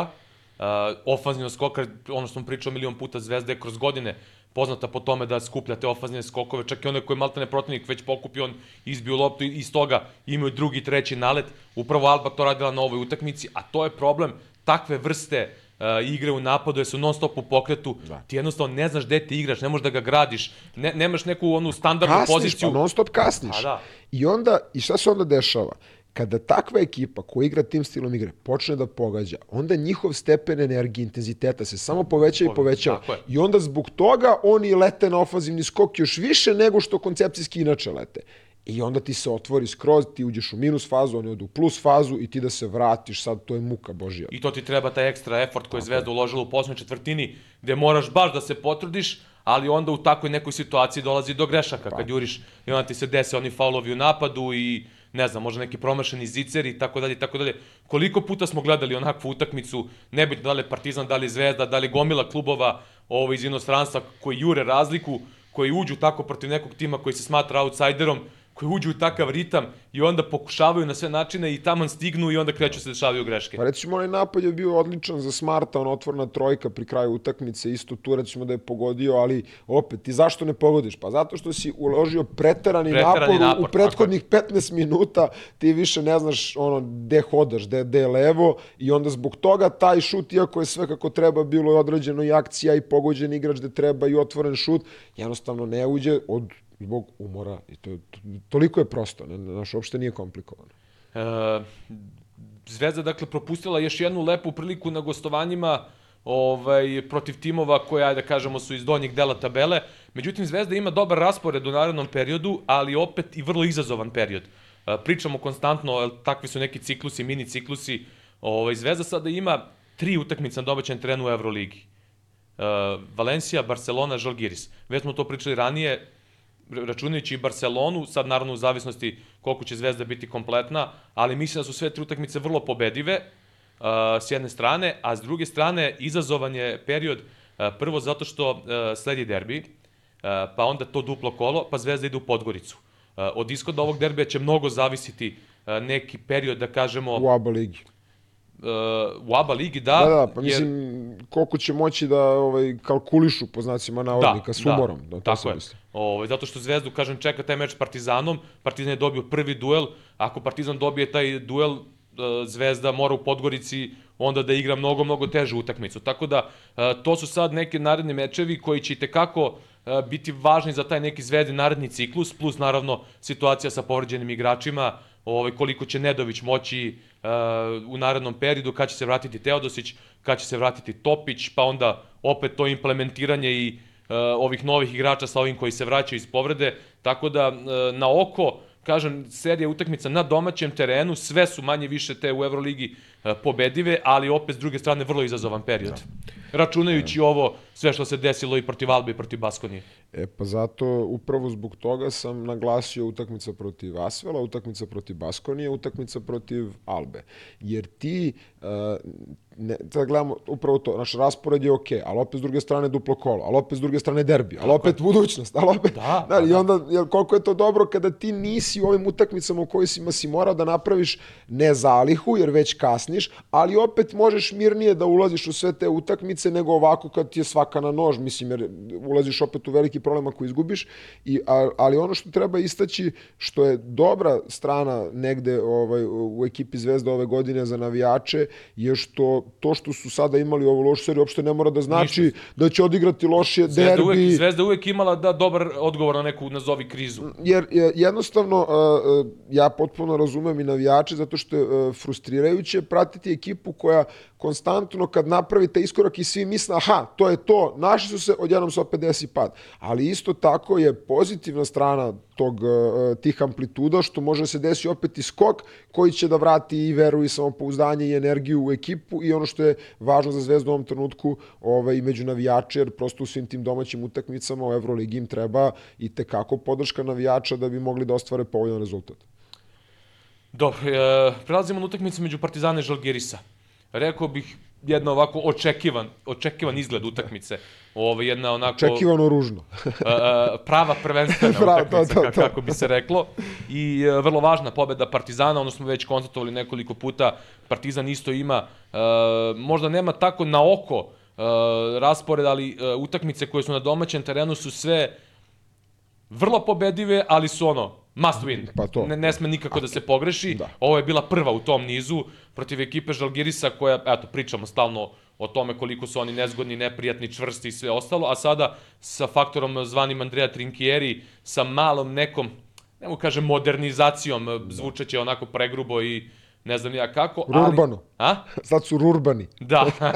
ovi... Bili su ruralni, sad su urbani, pa nisu ni tamo ni vamo. Sad su ovi, ubacili neke nove detalje sa promenom uloge nekih igrača, gde opet Trinkieri zadržao neke detalje koje Maksvitis radi u meču protiv Partizana i ovaj, negde onako, nisam iskreno očekivao da će Partizan opet onako loše da počne. Posledno što mi je na onoj uh, utakmici protiv Mege delovalo, delovalo mi u, u igri Partizana da je nešto kliknulo. Da kao što sam konstatovao onda protiv FNP-a, bez obzira što je to bila ubedljiva pobeda, ali sama igra na terenu i e, neki govor tela igrača mi je tada delovalo da, da je nešto kliknulo, Partizan je tada ušao u seriju. Tako mi sad na ovom meču protiv Mege, koji je onako bio vrlo specifičan zbog cele ove situacije ovaj, i, i smrti Dena Milojevića, ali e, igra Partizana na tom meču mi je onako, ne, nešto mi je bilo onako u pozitivnom smislu drugačije i nisam očekivao opet ovakav start da će biti 10 razlike maltene na podbacivanju ali uh, Max Vitis je radio to, prvo da konstatujemo Željko Vradić se vratio posle nekoliko utakmica na početak sa visokom petorkom, da. sa Smajlegićem na tri, to smo konstatovali nakon prvog meča da je uh, dalo Partizanu značajne rezultate, da su Ulanova sa skroz isključili, da je tek pred kraj prvi put napao s niskog posta, ovde je napao jednom ranije na početku utakmice, ali više nije imao prostora, uh, tako da to, to je ono jedna stvar kada je Partizan u pitanju, s druge strane E, zadrže Trinkjeri stvari koje je Maksvitis radio. Probao je sa Ulanovasom da čuva Zeka Ledeja, to mi je onako interesantno. I utisak je bio na početku da su isparirali Ledeju koji je u lošem naletu, u lošoj formi, ali Lede je tako našao način da se vrati u pravi ritam, iako je PJ Dozier onako zvezda večeri bio, moj glavni utisak iz tog nekog kriznog dela Partizanove igre, da je Zek Ledej sa onim šutevima koji su bili sa niskog posta, koji su bili ultra teški, a svi pogođeni, da je možda to bila ipak neka inicijalna kapisla za, za Partizan. Sigurno. Uh Pre svega, e, ovo je upravo ta vrsta pobede koju smo pričali malo prevezano za Zvezdu, koju je sad Partizan uspio da napravi, koji su ključ. Znači, ključ u sezoni za ekipu koja želi da ostvari, pogotovo sada plasman u play-off ili play-in, nije ni bitno, ovaj, su pobede u ovakvim utakmicama. Znači, utakmice koje treba da dobiješ na domaćem terenu protiv protivnika koji je tu negde, a opet nezgodan. Znači, jako je teško igrati takve utakmice, jako je teško pobeđivati. Partizan je napravio fenomenalnu stvar sa tom pobedom. Što se tiče Ledeja, Ledej, e, ja obožavam te njegove jednoručne bekende. Znači, to, ti njegovi potezi da, da. sa posta, ti šutevi, To toliko nema smisla, to je toliko nelogično, to je toliko teško, nemoguće da nekog naučiš. Toliko ubija protivnika u pojam. Ubija, ubija u pojam trenera, protivnika, jer... Jer, jer, jer posebno što je Žalgiris ekipa koja je čvrsta, Tako koja ima tela i oni su njemu isparirali na svakom da, da. pokušaju da napadne sredinu, a on je, a on je našao i pogodio sve te šuteve. Ali vidi, on je pogađao ono i sve dalje i dalje, znaš, ono tipa prvo je pogodio bliže, pa ono bukvalno on se udaljava, udaljava, pa sa 5 metara kad ti pogodi taj backhand, znači to je stvarno da se obesiš, zato što je je to bliža ruka iz okreta preko visokih igrača, nižih, čvrstih igrača i on to pogađa u jako bitnim trenucima. I zbog toga je on ta, ta vrsta igrača i taj kvalitet koji on donosi Partizanu, stalno ga pominjem ja i mislim i prosto i ti, meni je ono, možda i na toj poziciji četiri, ako ne najbolji, najbolji, barem meni lično ovaj, ovaj favorit u, u Euroligi, jer ti daje tu vrstu dubine i širine, intenziteta, energije koju redko ko igrač danas u Euroligi može da ti pruži. I on može u konstanti da napada i sa posta i može da pogađa važne poene I, za tri poena. I lice mi, da. I može i u kontri da otvori Prosto, sa pozicije četiri. I ovaj, I ovaj utakmica u kojoj on pokazao taj kvalitet, a baš je to bitno da je iz lošije, iz forme, lošije iz forme. lošeg ritma ušao u tu utakmicu i u jednoj čvrstoj utakmici na relativno mali broj poena protiv čvrstog protivnika, 19 je dao tako na kraju, ja mislim. Tako nešto, da. da. A, znači, dao je i svi ti poeni meni su bili važni. Bukvalno nema jednog njegovog koša da nije važan i svi su bili iz tog... Uh, ne iz onog protoka gde on ostane sam, nego onako iz one teške Sve jedne... iz zidanja, po, iz zidanja, iz zidanja, iz kontakta, iz kontakta, udri, udri, znaš. Tako je, gde ti kao protiv protivnički... tima kome je to jača strana da, da brani. Da, upravo to. Jer i ti kao protivnički trener, ti si i želeo da, da dođe u tako, tu situaciju. Da, da Partizan te ne ubija iz protoka, nego da nateraš da neko mora da zida i onda primiš i tako koš i jednostavno to potpuno ubija plan s kojim ti ulaziš kao trener protivničke utakmice. Trinkieri je probao isto sa Gedraitisom da, da, da brani etc. i u tom prvom meču je Gedraitis radio dobar posao u tom nekom smislu. Da. On, e, obično, kažem, e, Panter ima problema sa timovima koji imaju igrače koji su visoki i snažni, a mobilni da, da mogu da ga isprate. Međutim, Gedraitis je onako malo drugačiji profil. Da. On je malo niž, niže težište, a fizički jak. I instinkt ima I za ima, da, i loptu. Ona jedna ukradena Jest. je bila neverovatna. Tamo blizu klupe nismo čak ni videli, ja da. mislim. Ali toliko je brza reakcija da, bila stvarno... I napravio ozbiljan problem Panteru, praktično ga negde izbacio na samom startu utakmice iz ritma, međutim, e, Panter je našao način kako da bude koristan za ekipu, uh, ušao je Naneli, Trinkeri je odreagovao sa Lekavičiusom koji čuva Nanelija, znači tu smo imali malo neke neobične stvari, agresivnost Lekavičiusa, vjerojatno želja da nekom tom uh, kako bih rekao, ono, niži je da, da proba da mu kreaciju spreči, da, da ih izvoji iz pick rola, međutim Partizan imao spreman odgovor na Aneli odmah išao na niski post i to ono što pričamo stalno o toj versatilnosti Partizanovog rostera, da mogu na više različitih načina da napadaju. Partizan ima odgovor na svaki pokušaj uh, Trinkjerija da nešto neobično uradi na, na samoj utakmici i Naneli je do, dobar posao u tom nekom smislu radio kada se i Ledej uključio sa ovim stvarima i tu se Partizan negde vratio u potpunosti u život. Panter, njegova defanzivna uloga, ako sećaš nekih početaka i onih ranih epizoda, da sam naveo primer uh, jedne stvari koja je pocenjena bila kod njega prošle zone, uh, neke utakmice kao što je bila protiv Efesa, ona ključna u Beogradu prošle godine nakon one krize, gde on celu utakmicu igrao kao flaster malte na Vasi Miciću po celom terenu pressing, Juče je Panter našao način da na defanzivnom telu, te, delu terena bude super koristan na, na Evansu odigrao neverovatno onu odbranu maltene po drugom, po, po, u drugom polovremenu po celom terenu na Evansu i imao gomel onih nekih deflectiona koji su već postali sada njegov zaštitni znak i ovaj Panter na ovoj utakmici iz četvrtog plana odradio veliki yes. posao. Ne, ne mogu da niko nije primetio, ali da nije ono na, na njegov način dao doprinos, nego na neki stoti način različit je dao doprinos. Pa baš to je e, razlog zbog čega sam ja ovaj u ovoj eri e, Panterove karijere počeo da ga cenim, iako ga nisam nešto posebno ranije cenio pre Partizana, je što je on kod trenera Obradovića, to je, to je sigurno njegova najveća zasluga, ali i zasluga samog igrača da je bio spreman, spreman u tim godinama da pravi tu promenu, što je on postao... Jer vidi, izvini što te prekidam, taj profil igrača kakav je Panter, ti skoreri, moj utisak je da su oni najmanje spremni da menjaju takve tako stvari. Je, tako je. Znaš, a, a samim tim još više dobija na, na veličini to što je on kao taj profil igrača bio Jest. spreman da, da se promeni. Jest. Jer, jer ti mu uzimaš, otimaš mu nešto što svi slave. Ceo svet slavi poentere, je tako? Mm -hmm, mm -hmm. I uh, ubeđuješ ga, ne znaš, ovo ti je pravo, znaš, pusti taj biftek, ne znaš, uzmi ovo, ovo, ovu kosku. Ova ko, to, da, znaš, jest, to je jest, prava to priča, je prava znaš, kao, pusti ovo što svi jedu Toma, to nije za, ovo je, i sad ti kao, pa ajde da probam, znaš, i sad, to je tako, nevrovatno je teško brez decom da napraviš, a ne sa igračima koji imaju 30... Koji imaju ego ogroman, tako je. razumeš. I tu je veličina i trenera i igrača. I tako sam ja počeo njega da cenim u ovoj, kaže meri, i upravo to je najveći kvalitet koji on sad pokazuje u ekipi Partizana. Meni je on interesantniji kao igrač kad se desi ovakva utakmica nego kad se desi neka napadačka eksplozija poentarska. Jer je oni i u ovoj utakmici imao par bitnih koševa onako mm -hmm. polu distance. Ona jedan kako je čoveče šutno ovako je gurno loptu. I onu prvu šut koju je pogodio isto je bio onako težak. Da. težak Ta separacija bitan, koju je napravio je. iz ono maltane polučučnja nekog je uspeo da se odvoji da pogodi, baš su teški čutevi bili. I, ovaj, I onda ti on, kada tvoj igrač koji je i kapiten i glavni skorer, je spreman da, da se skloni, da pusti malo druge, ovaj, onda to šalje dobru poruku svima mm -hmm. i tako se stvara ta timska kohezija energije. I pomenuo si tu versatilnost Partizana, ona je pre svega funkcionalna u napadu. Znači, teoretski, ka, kao koncipirana ekipa, kako ja to gledam, Partizan je neodbranjiv u teoriji. Naravno, sad u praksi, u nekoj utakmici će se desiti loši ritam, lošije odluke, nepogođeni šutevi, ali je prosto koncipiran i to se jasno vidi po, po ekipi da svi igrači mogu da poentiraju, da svi igrači mogu iz više pozicija na različite načine da donose poene, a da uz sve to vreme zadrže tu visinu i dobru građu koja ti omogućava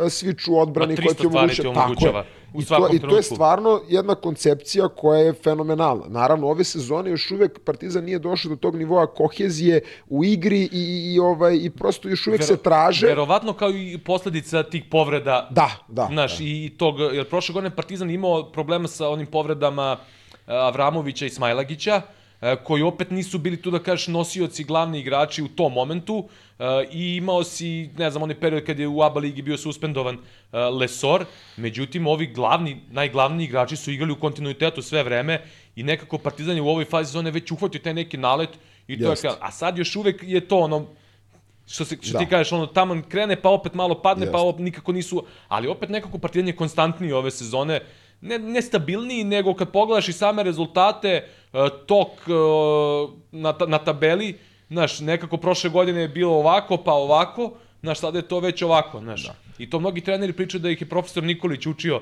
kao ono, nemoj da ti kao ekipa bude ono nemirno more, da ima mnogo talasa, nego da to mirno more, da su to onako malo, Ma, Mateo Bonićoli, ja mislim, to pričao baš kada je bio ovde e, na, na klinici, pre, pre trenerskoj klinici, pre ne znam koliko, jedno 7, 8, možda i više godina. On je to pričao, stalno to pamtimo, profesor Nikolić govorio. Znači, nikad nemoj ovoliki talasi u ekipi, nego to onako sve lagano da bude.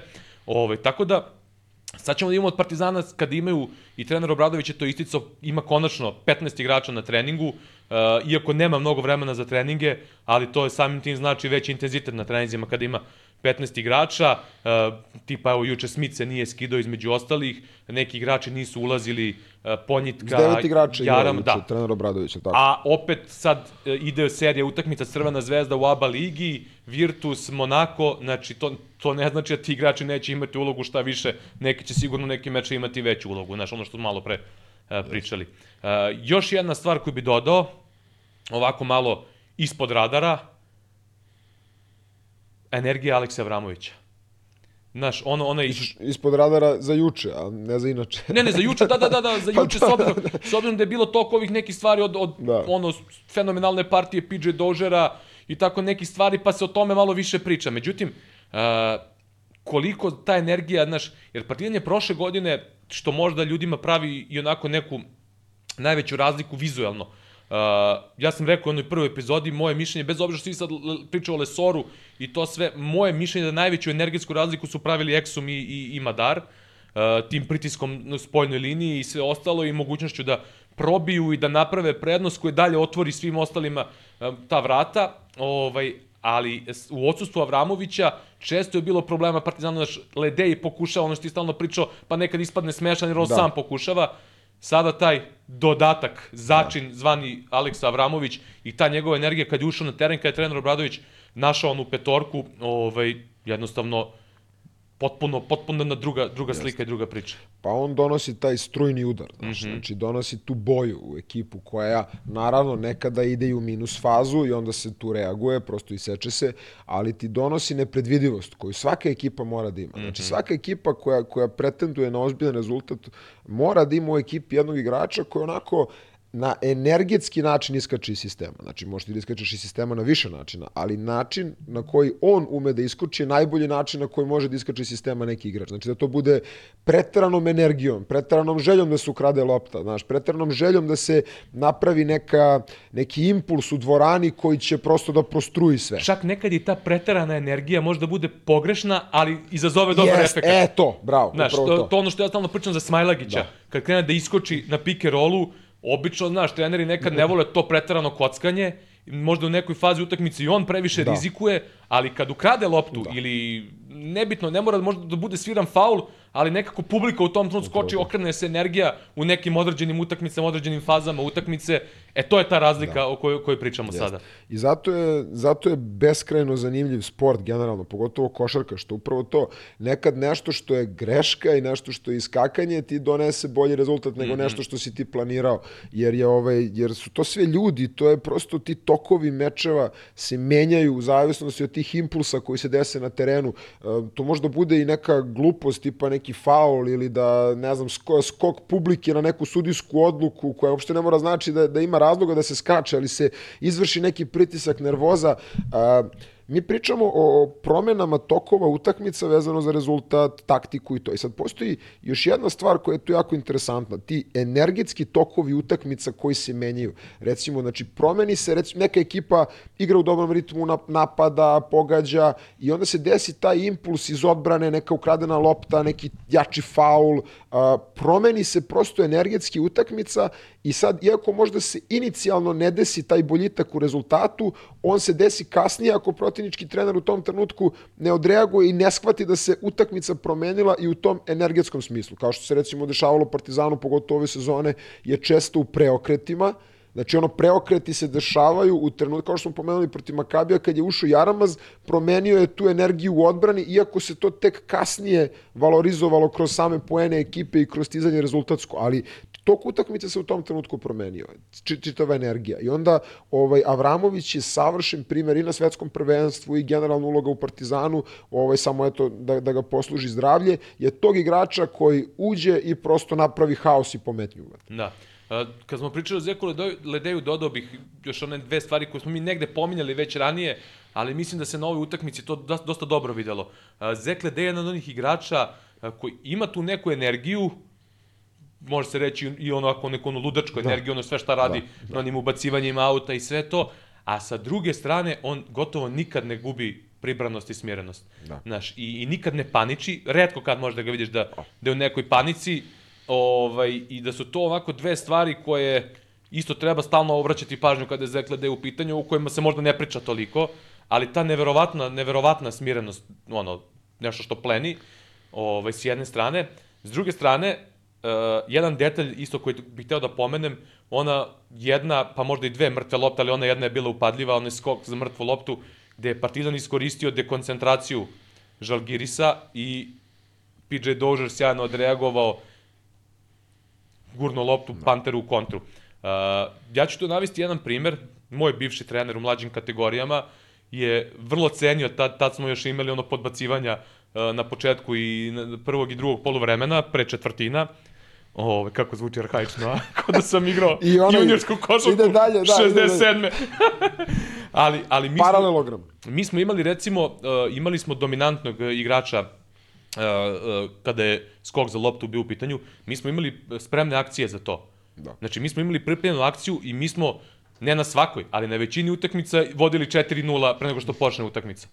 Jer smo uvek imali kontru, a protivnici ne obraćaju toliko da. pažnju. Svi stalno ono kao, o, a ovde ima blok u leđa, ovaj znaš da će da gurne loptu napred, i eto Partizan juče ovaj, dva puta je praktično na, na mrtvoj lopti u ovakvim utakmicama takve sitnice prave veliku razliku, a opet Sa druge strane, što ti kažeš, ovo energija, ovo ono, znaš, promeniti, znaš, sad ti razmišljaš kao vidi mi se nismo spremili za ovu nazovi glupost, da. a vidi ovi spremni za ovo. Znaš, odmah ti pa polje da samo poznanje. Pa upravo to, u toku jedne utakmice naravno na tom seniorskom ozbiljnom nivou ne toliko koliko sa sa tako decom, je, jer su je. jednostavno i stabilni i bolji igrači, ali opet i, i u tom i na tom nivou postoje te sitne promene, a na tom nivou ti je sitna promena neka u samopouzdanju energije u tom trenutku dovoljna da se ekipa otkači. Pa Partizanu je recimo ona mrtva lopta protiv Igoke, tog tipa koštala ga je da. pobeda pobede na da. neki način. Jer to su te sitne, e, pričao si, ti si e, dosta insistirao na tim deflectionima koji su ovaj, stvarno jako bitna stvar i da dodamo te mrtve lopte, da kažemo. Znači, koje nije, ne moraju da budu mrtve, to mogu da budu te neke među lopte. Znači, ja to tako volim da zovem, koje, koja ekipa uzme više tih među lopti, to su ti neki odbici, tako na je, skoku, lopta je pala na zemlju, tu se uvek dobro vidi spremnost, intenzitet ekipe, nije slučajno tako je koncentracija, možda i najviše koncentracija, mm -hmm. da, mhm. bravo. Koncentracija je jako podsjetna stvar, mi stalno pričamo uh, da li je dobra energija bila, da li, da li su borbeni bili dovoljno, a, a nedovoljno se priča o koncentraciji, jer igrač koji je koncentrisan, smiren u trenutku, on će napraviti bolju reakciju nego neki ko je energičan, a dekoncentrisan. Mm -hmm, mm -hmm. Ovaj, I onda tu se pokazuje upravo taj moment, jer uh, na kraju dana, utakmica je jedna vrsta bitke u kojoj pobeđuješ i gubiš. Na svu stranu sva taktika i sve te sitne detalji koji su jako bitni, naravno, ali na kraju dana te sitnice u, u toj borbi, ti momenti, lopta levo, lopta desno, da li smo se bacili, smo izvukli iz auta, pogotovo utakmicama koje su, brate, egal, gde, ti, gde bi šest poena pravi razliku, četiri poena ti pravi razliku, znaš. Uh, Zekle, da još jedna stvar. Uh, ovakva utakmica i spremnost u takvoj utakmici da bude maksimalno pozitivan, koncentrisan i šta sve gde idu rukometne izmene. Kaminski napad, da, da, da. on odbrana. Rukometne, znaš, da. Ve, veliki kvalitet. Znaš, e, obično neko bi u toj situaciji bio ono u fazonu kao igram dobro, kao što sad ja samo odbranu, tamo, vamo, a si ti vidio Ledeove reakcije? On skače sa klupe, utrčava, jedva čeka da utrči da odigra tu odbranu, pa će da izađe da sedne na klupu. E, možemo tamo da se nadovežemo na to te, te ovaj, uh, rukometno-hokejaške izmene trenera Obradovića, jako interesantan jedan detalj taktički u ovoj utakmici. Moj kolega je izračunao, ne znam da li, nije ni on sigurno da li je dobro, ali kaže da je 16 puta bilo izmena. A meni je interesantnija tu pozitivna reakcija Kaminskog, mislim, da. jer, jer on je igrač koji tu onako u posljednje vreme e, često i menjan i brzo i onda on je to prihvatio isto jeste, na dobar jeste. način ovaj, i bio jako koristan, ali vrlo interesantan taktički moment, baš iz tog razloga što e, je teško ali, igrače ubediti u tako nešto. Ali znaš šta je moj, moj utisak? Ne kažem da sam u pravu, da. ali moj utisak je bio da nisu te izmene bile plod Uh, problematične odbrane Kaminsku koliko njegove četvrte lične. To je neki da, moj utisak da, bio da. i da je to možda, jer Kaminski je dosta toga dobrog donosio na, na napadačkom delu uh, terena i jednostavno Tenor Obradović je bio svestan toga da mu treba i da mora da ga sačuva. Mislim da možda ne bi bilo to toliko izraženo da nije imao četiri faula. Kažem, moguće. Moj moguće. utisak možda grešim, jer Kaminski je vrlo pristojan, pri, pristojno igrao defanzivno i videli smo... Čvršće, nekim... mnogo čvršće u utakmici od početka, već zato i ušao u problem s faulovima jer je pokazao pokazuje jednu vrstu energije u odbrani koju nije baš imao u posljednje vreme. I ne samo energije, nego i koncentracije. Da. Pa čak i ovi neki faulovi koje je napravio su bili kažem, vrlo, vrlo baš. onako pametni faulovi. S jedne strane, sa druge strane, ovaj, Kaboklo imao dosta problema sa dekoncentracijom i opet napadački nije uspeo protiv preuzimanja dole da ostvari poziciju, što je negde... Sa, sad dolazimo do one priče o Kaminskom. Zašto ja stalno pričam zašto i zajedno pričamo, ali generalno, ovaj, ja kažem ti stalno... Si ti pr prvi pa- advokat pa, u odbrani. Pa nisam, naš, ali to uopšte nema veze... U odbrani naš, Kaminskog. Znam, uopšte, slažem nema to veze s Kaminskim, nego generalno sa shvatanjem... Način na koji gledamo, da, Tako da. je. Jer o, o, svaka ekipa koja igra sa preuzimanjima, Partizanova prednost je Frank Kaminski.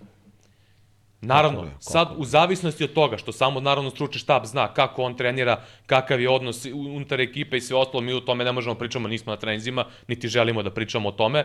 Ovaj, ali e, kada je on u dobrom ritmu, kada se igra kroz njega, e, kada je on u toj nekoj koncentraciji, Partizan ima ogromno oružje protiv timova koji preuzimaju. Što se videlo na jučerašnjoj utakmici, što se videlo na brojnim nekim utakmicama i pre njegove povrede, e, koja ga malo izbacila iz nekog ritma. Ali ove, ovaj, šta sam teo da kažem? Uh, juče Kaboklo recimo imao tih problema da ostvari poziciju protiv preuzimanja. Uh, imalo, bila jedna situacija u trećoj četvrtini kada je Žalgiri stigao sa onih minus 7 ili 8, gde Partizan ima kontru, uh, mismatch Ledej koji u, u sjajnom naletu Kaboklo dolazi do mu igrača i onda se desi ona Panterova izgubljena lopta kada je trener Trinkeri tražio challenge, odatle dve trojke posle Evans pogađa, gde Kaboklo da. kasnije preuzima trener Obradović, se iznervirao toliko na klupi da ono, i tu je bilo jasno da za tu utakmicu Kabokla nemaš više. Nemaš ga jer nije, nije jednostavno to utakmica za njega, u tom nekom smislu, nije ni u koncentraciji, a Kaminskog imaš koji donosi sve stvari koje donosi. I ovaj, opet ono stalno pričamo, znaš, de, de, to su neke stvari koje možda nisu upadljive toliko, sam kvalitet nekog igrača, u ovom slučaju Kaminskog, stvari koje može da uradi, teraju odbranu da budu spremni na te stvari, makar ne uradio nijednom na utakmici. Ali to zato otvara vrata drugim igračima.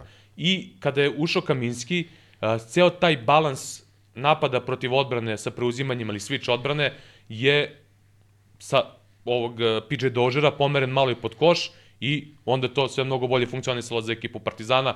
Tako da ništa ovo nije slučajno bilo, za mene lično ništa nije neočekivano, kao što mi nije bilo neočekivano da, da ne uđe ni minut protiv Makabija. ja mislim da bi ljudi zaista trebali, znaš, da gledaju na taj način. Sa druge strane, ono smo pričali malo pre, sad da li kako se to gleda, da li je došao kao nosilac, da li nije, da li ovo, o tome može da se raspravlja. A ovome, u određenim fazama utakmica, određenim utakmicama, određenim protivnicima, ja mislim da tu nema ništa sporno. Pa tu određeni problem pravi, prave očekivanja uh, zbog Lesora od prošle pa godine. Pa da, pa ono smo pričali od prvog kola. Ti si imao igrača koji ono, imao istorijsku sezonu u Partizanu i sad ja bi tu negde napravio analogiju sa bejsbolom i sa, i sa pičerima, recimo koncepcija prošle godine Partizana sa pozicijom centra je da imaš jednog ono vrhunskog startera, on ti izgura 7-8 ininga ovaj, i za jedan ining dva nađeš zamenu.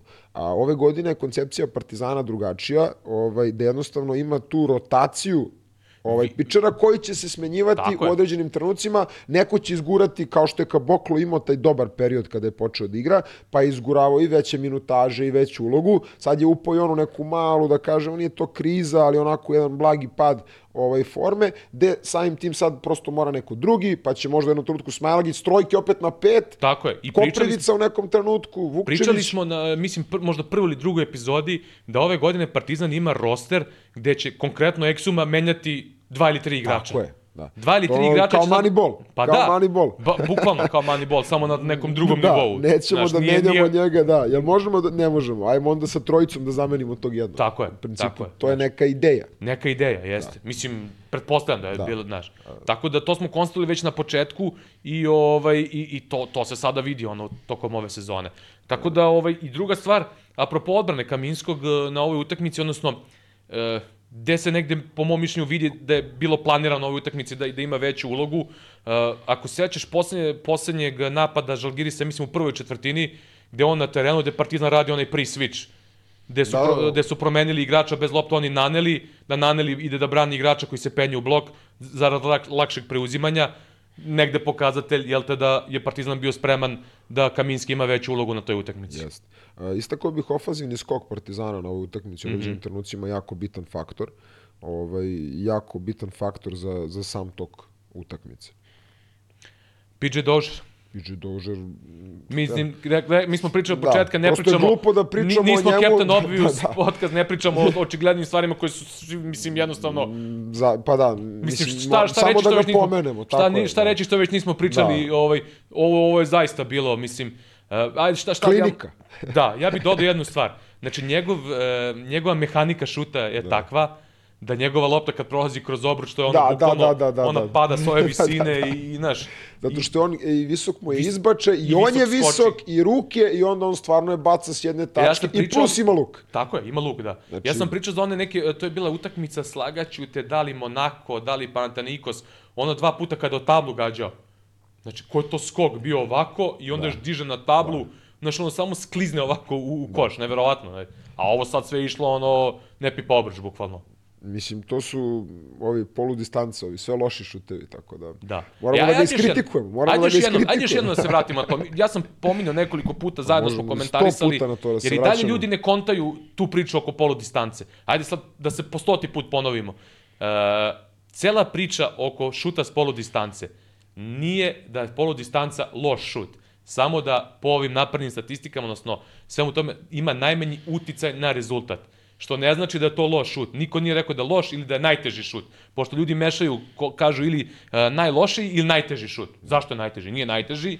Šta više, ovaj, jednostavno samo ima najmanji uticaj. E sad, mi možemo da pričamo o, o NBA-u, gde imaš timova koji redko ulaze i koji svi šutiraju za 3 poena, gde su drugačiji odbrane, gde je veći prostor, gde se pogađa u većim procentima za 3 poena, gde su ekipe tako koncipirane i ako ti šutiraš sve vreme polu distancu, ovi sve vreme šutiraju trojke, nema šanse da ih stigneš. Ali u evropskoj košarci je to druga priča i sad opet je to, to neko kao slepo kopiranje nekih stvari i nerazumevanje određenih stvari, da jednostavno u Evropi nije to toliki uticaj kao što je uticaj u NBA-u, ta poludistanca, znaš. A opet i u NBA-u imaš gomilu ekipa, ne znam, Phoenix Sunse koji su ono, uh, dok je bio i Chris Paul, ono i Chris Paul, i Booker, i, i Kevin Durant, svi su ubice s poludistance. Utice zavisi od osoblja isključivo. Pa da. I od čega drugog. E, ti si e, pokrenuo sa tom e, promenom, sa tom revolucijom u košarci vezano za zicere i trojke i potpuno eliminisanje među prostora, obuku igrača, već smo pričali o tome, koji jednostavno nisu sposobni da pogađaju te šuteve i onda ti šutevi izgledaju kao da su problem. A ja nikada nisam ovaj e, to gledao tako, već sam ju- mislim baš u podcastu pričao da jedini šut koji koji mislim da je loš, najgori na svetu, da ga treba eliminisati, ovaj je gaženje, Gaženje linije za tri poena poena. ili ono pola koraka jer to, to, od toga dobijam stvarno ovaj, nervne napade, a sve ostalo recimo već korak unutra još jedan, recimo oko penala, to je već znatno lakši šut za pogađanje nego što je trojka. I Posebno onda iz može da se posebno iz driblinga. Tako je. I onda može da, možemo da pričamo o tome da je to razumljivije zašto bi neki igrač uzeo taj šut. Uh, pogotovo recimo ekipe koje igraju u dropu, u dubokom dropu, taj među prostor je tebi ključ za, za dobijanje takvih utakmica. Ako, ako je cela koncepcija, a uglavnom je u dropu takva da igrač ide za igračem koji, ovaj, da igrač koji brani ball handlera ide, ide za njim, samim tim da šut da. za tri poena skoro nemoguće u takvim Tako situacijama. Šta on ima? On ima taj međuprostor, može da uđe eventualno onu snake kretnju ili evo pričamo posle o toj terminologiji, da. da napravi tu zmija kretnju, znači okolo, ili da napravi onaj a, taoc, talac, dribling, da ga Hostič, sačeka na, na leđima, leđima, tako je. A... Ili treća stvar koja može, koja e, ima nekoliko igrača, ne mnogo, ali postoje trend u poslednjih nekoliko godina, recimo to je RTL, sjajno radi onaj kratki naskok, kad Aha. je na leđima, iz driblinga onaj kratki naskok i da. dižeš se odmah na šutu, napred se bacaš i da, šutiraš za da, tri. Da, da, I to je u tom nekom trenutku pre 3-4 godine e, krenuo malo trend kod nekih igrača, sad nije mi toliko upadljivo da, da mnogi rade, ali to je recimo Može, bilo da. jedno rešenje, taj kratki naskok, brzi i bacanje u napred i šut za tri poena. Tako da, e, taj prostor sad samo je pitanje e, individualne veštine, da li je najbolje rešenje možda floater iz te situacije, da li je najbolje rešenje šut, skok šut, ali e, evo dokaza još jednog, ovaj, konkretno vezano za Dožera, koliko je to u stvari i teško braniti i opasan šut, pogotovo kad izvodi majstor, ko, koji on definitivno jeste. I, ovaj, I uopšte ne treba gledati e, košarku na taj način. Absolutno. Niti je... Ma nijednu statistiku. Ali al stani, mi možemo da pričamo o tome da je trenutno, i, i već smo i pominjali i Dentonijevog brata, kako je, ne znam, postap, znači igra s posta je najneefikasnija. Da, pa da, da, ako izvodi neko ko ne zna, koji sve u životu. Mislim, prosto, ko imaš igrača koji je obučen, tebi je to izvor viška. Ako imaš igrača koji pogađa i može da pogađa polistancu, to ti je plus. plus imaš naravno. trojkaša, pa ne može ni trojka po defaultu da bude najbolje oružje ako je šutira onaj koji ne zna šutira, čoveče. Mislim, kako je onda ta trojka efikasna? Mislim, sad daj ti meni neku pušku koja ne znam da koristim, šta, to nije oružje više u mojim rukama. Mm. Tako je vezano i za košarku i samo tako treba gledati na to.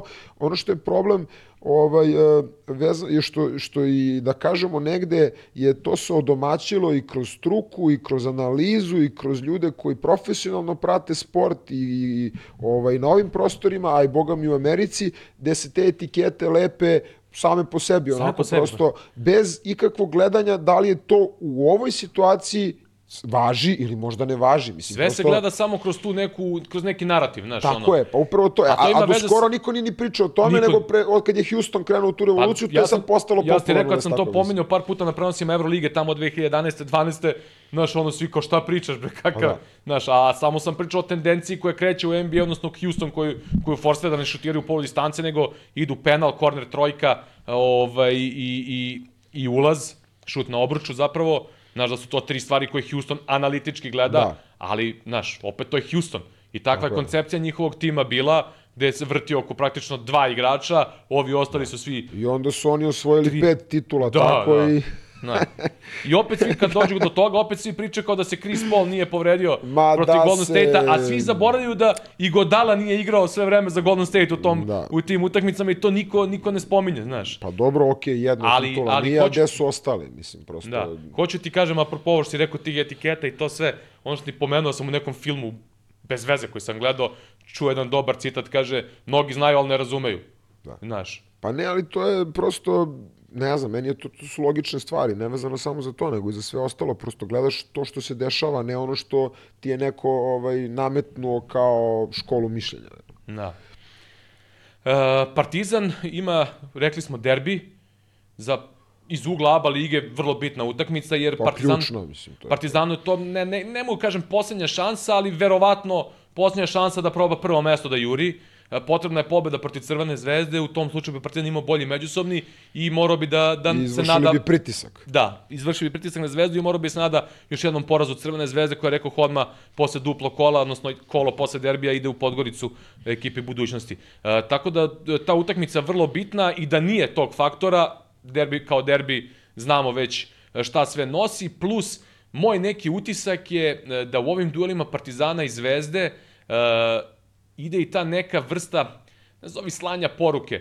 E, s obzirom da je izdržan domaći teren, svako ko bude uspeo da pobedi na, na gostovanju, šalje protivniku neku drugu vrstu poruke u smislu, e, možemo da vas pobedimo na strani. Znaš, tako da, meni je ovaj sada derbi u ABA ligi iz tog ugla izuzetno bitan i za Partizan i za Zvezdu, pored ove stvari koje smo malo čas spomenuli, a onda Partizanu ide duplo kolo, dva gostovanja protiv Monaka i Virtusa, dva vrlo teška gostovanja protiv dve odlične ekipe.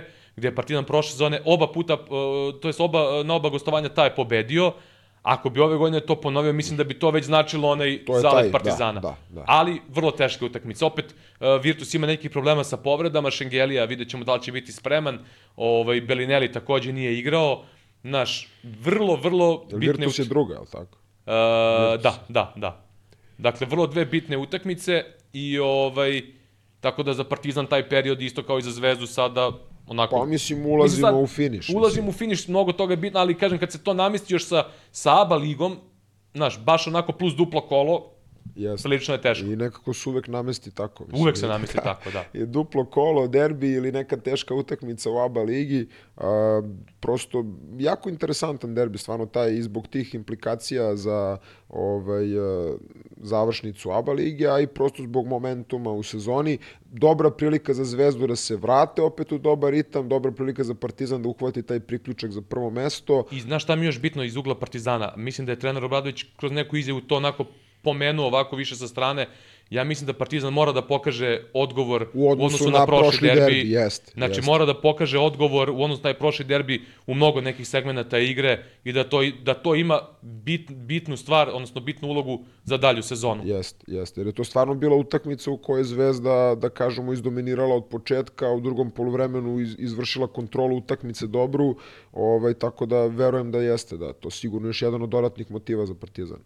Biće jako interesantna utakmica, baš me zanima, prosto ovaj, Partizan je trenutno malo boljem ritmu, Zvezda opet izašla iz dobrog ritma, ali opet može da, sam, da iskoristi derbi da se vrati, znamo ono, iako je to floskula, opet u, u derbi uvek može da ode Ali- u oba ali smera, mi smo to pričali- stvarno je tako. stvarno je To tako. nije ono kao prazna, evo što smo pričali malo pre etikete, e pa to nije prazna etiketa. To nije prazna To, to je etiketa, stvarno da. nešto što stoji i, ovaj, i baš me zanima prosto i sama utakmica i kako će to da se odrazi na duplo kolo koje sledi.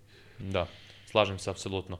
E, dobro, e, šta smo još imali od, od nekih ovih interesantnih tema? Imali smo pitanje gledalaca, hoćemo to? Da, pa imali O- smo vezano za koje? Misliš ono za Howarda, za čuvanje? Pa imaš ovo recimo ovu terminologiju što si spomenuo malo čas. Šta je bilo a, tačno? Pa bilo je pitanje to za korišćenje terminologije stranih izraza, ovaj, zašto ne više naših i to. Ovaj, Mislim, to, e, to je moja borba već IHH to godinama je, i godinama. a, ja, ja ću to da odgovorim, da, ja ću da odgovorim iz svog ugla i čisto ovako i da kažemo i iz trenerskog ugla i nečega načina na koji ja pokušavam da komuniciram sa svojim igračima i da ih na, na taj način obrazujem košarkaški. E, ja i ti smo ovako u našim internim razgovorima često pominjali to. Ja doživljavam engleski u košarci kao latinski u medicini. Tako je. Ovaj, da li sam u pravu, nisam u pravu, ja to tako gledam. Prosto to je jezik košarke. I terminologija koja se koristi unutar engleskog ili ti američkog engleskog, pošto to je engleski, ali ne, ne zanima ih baš previše košarka, je svuda ista na celom Isto, svetu. I to je velika prednost te terminologije. Znači, ne znam, switch je switch ovde i na Filipinima i na Novom Zelandu i u Africi. Iako ima nekih e, stvari na, u igri gde Da. imaju, tipa, ne znam, onaj... e, s, e, flat odbrana, Da. soft hedge, znaš, ono ima nekih termina koje... Ali to je više nerazumevanje nego što je to Da. sad, da, da znači nešto različito. Tako znači je. nešto, znaš, flash utrčavanje gore je flash, je flash, flash Jeste. je utrčavanje ka lopti svuda na svetu ko barata tom terminologijom. Ja sam, e, to, to smo i pominjali u jednoj od epizode kad smo pričali na tu temu, e, kada sam intervjuisao trenera Obradovića, letos baš smo pričali na tu temu, on isto smatra da da je mnogo bitno da igrači znaju tu terminologiju, da je samim tim proces aklimatizacije Upravo to. veoma bitan za, za, ovaj, za igrače i za trenera da se zna. Ja sam ti rekao moj ugao gledanja, e, više zapravo uglova gledanja i let, pominjao sam nekoliko puta ovaj kamp u Trevizu gde e, direktor kampa, inače poznati pomoć treneru NBA Bill Bejno, prva stvar koju govori igračima, ovim klincima, e, ovde na kampu je bitno da naučite NBA terminologiju. Tako je. Znaš, to, to je bitno. I trener Obradović kaže da je za njega isto bitno. Druga stvar, uh, ja sam gledao neke one trenerske klinike gde su pre deseta godina, gde su klinci, ovi demonstratori imali problem da razumiju trenere. Da, da. Što je za mene nedopustivo u zemlji košarke. Jeste. Druga stvar, ajde, ja sam imao tu sreću i priliku da, da na satelitu još ranih 90-ih gledam prenose na italijanskim kanalima, pa čak i NBA smo gledali ono Franka Bušmana na DSF-u i sve to. Isto mi je bilo sramota da u to vreme da, da, da u to vreme italijani sve ovi izrazi sada su italijanski komentatori na primjer koristili tada i u italijanskim prenosima su bili normalni. Ovaj a, a kod nas evo i dan danas kao je neki problem oko toga. Uh, moje mišljenje da publika mora da, da, da nauči te izraze, da upozna te izraze, kako bi moglo lakše da prati, eto, da. koja je point onda ozučavanja time-outa?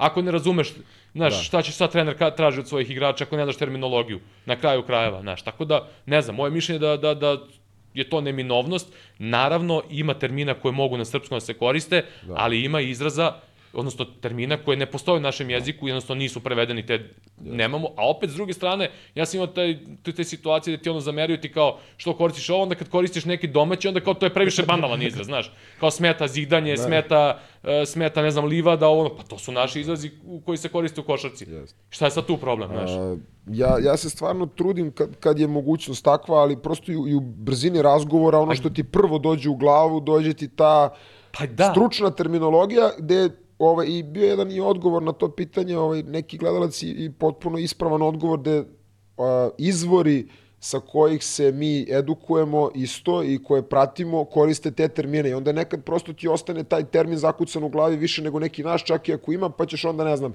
jednom ćeš reći switch jednom ćeš reći preuzimanje, pa da. nije uopšte nije to kao sad neka preferencija da ja sad volim ovo da kažem pa, više nego ovo drugo. Nego jednostavno je znaš ono situacija u živom tak... razgovoru u brzini razgovora ono što ti je prvo u glavi u prenosima gde se dešava znaš nekad je re, lakše reći short roll nego kratko otvaranje da. znaš i lupan lupan primer znaš. Jeste Tako, a opet, e, e, što sam ja milion puta isto pominjao, neće nužno ni domaći termin da ti objasni neku situaciju.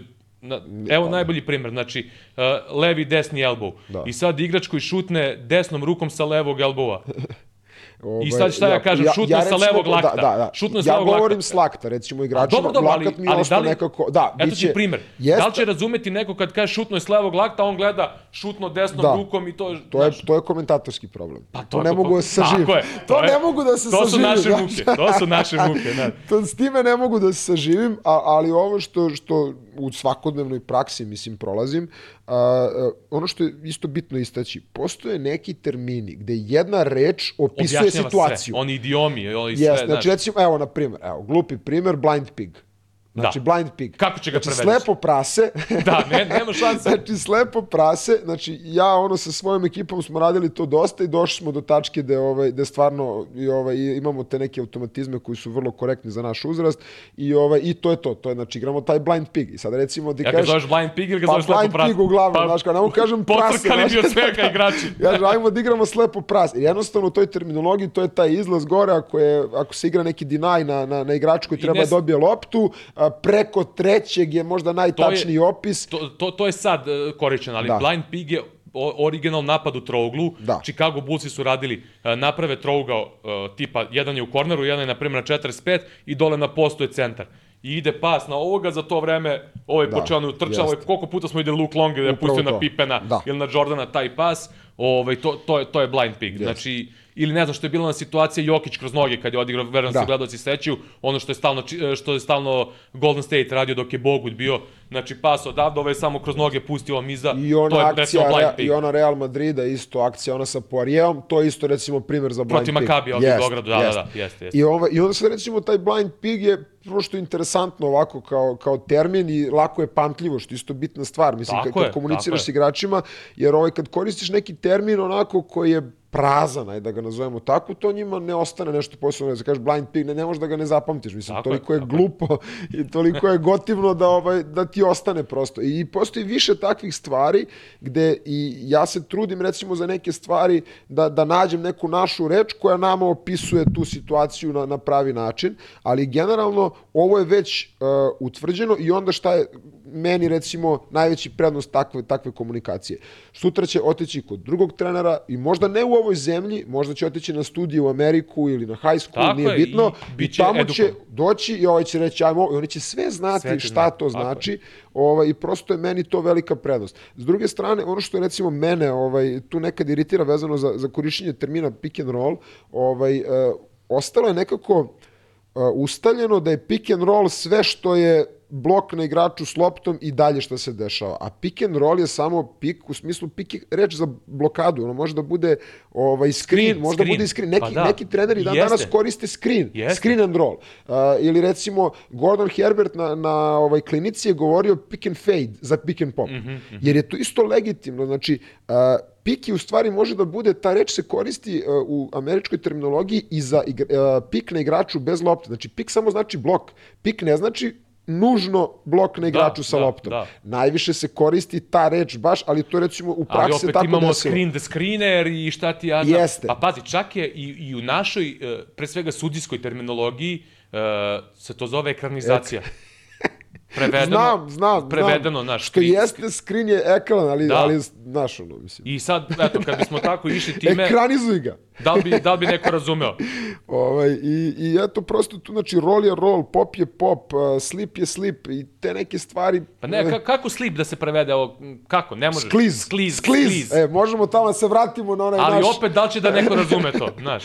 Pa, e, možda će neko razumjeti ako si im objasnio, ali 14 slip... puta. A, da, Svak- u svakom ali pravosu jeste. mora da objašnjavaš. Ovaj, i, onda, I onda ulaziš u problem, recimo, u, u tom razgovoru s igračima, kad tu neku reč, e, bukvalno je šifruješ, ta reč znači to. I onda kad je nekad iskoristiš ovako u govoru za nešto drugo, ovaj ljudi igrači misle da si mislio na ne znam taj poziv ili taj automatizam koji si prošao, ovaj i dođe do zabune. Tako da eto s te strane ja bih ovaj voleo ovaj više da okrenemo priču u smeru ako postoji neki termin koji Da nije- koristimo koji ljude zanima, ovaj ili da objasnimo ili da probamo da nađemo neki prevod, nije Pa nikakav problem, ali prosto e, bitno mi je samo da istaknemo da to nije neka Nije- naša želja da se da pravimo nešto, pa pametni da. ili smo Ali znaš šta je- znaš šta nego je je tu- prosto to je živa reč, tako pričamo. Da, pa to to je reč koš, košarkaški, reč Tako je. košarke, bukvalno. Jer znaš šta je meni nejasno, na primer, e, često ljudi u košarci im uglavnom smetaju ti Da, izrazi. da. Ja pretpostavljam to da smo mi dominantni u košarci i sve to, pa možda tu malo nekako slabije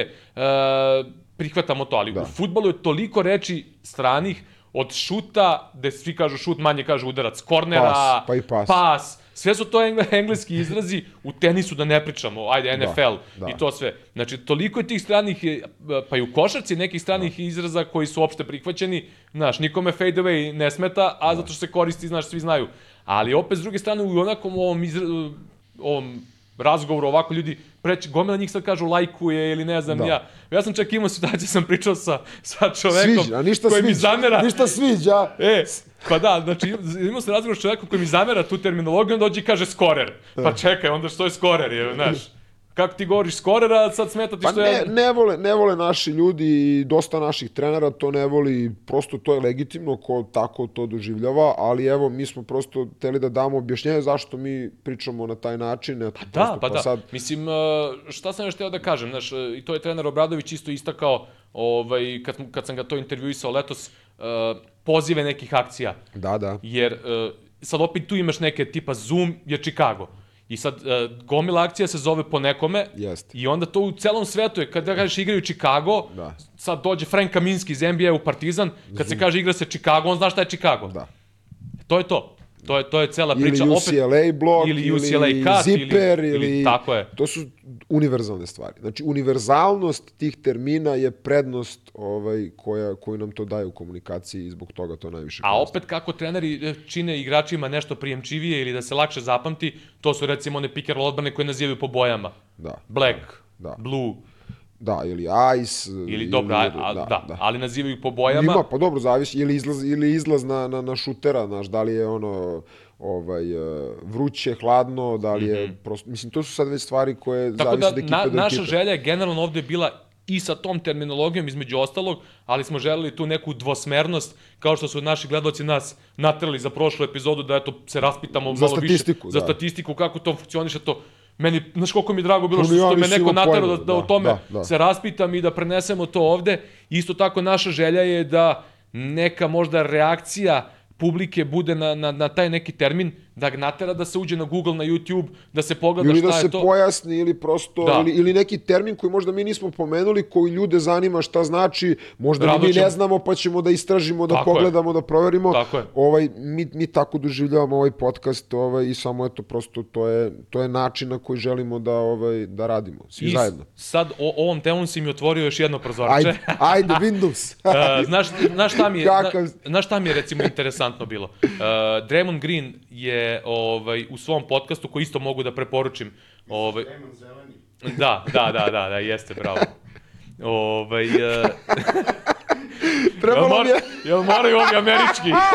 Jel moraju ovi američki izrazi, ne? Ali meni je, ne, trebalo mi je vremena da shvatim foru, brate. Za, a ja, zato što si mladi neiskusac.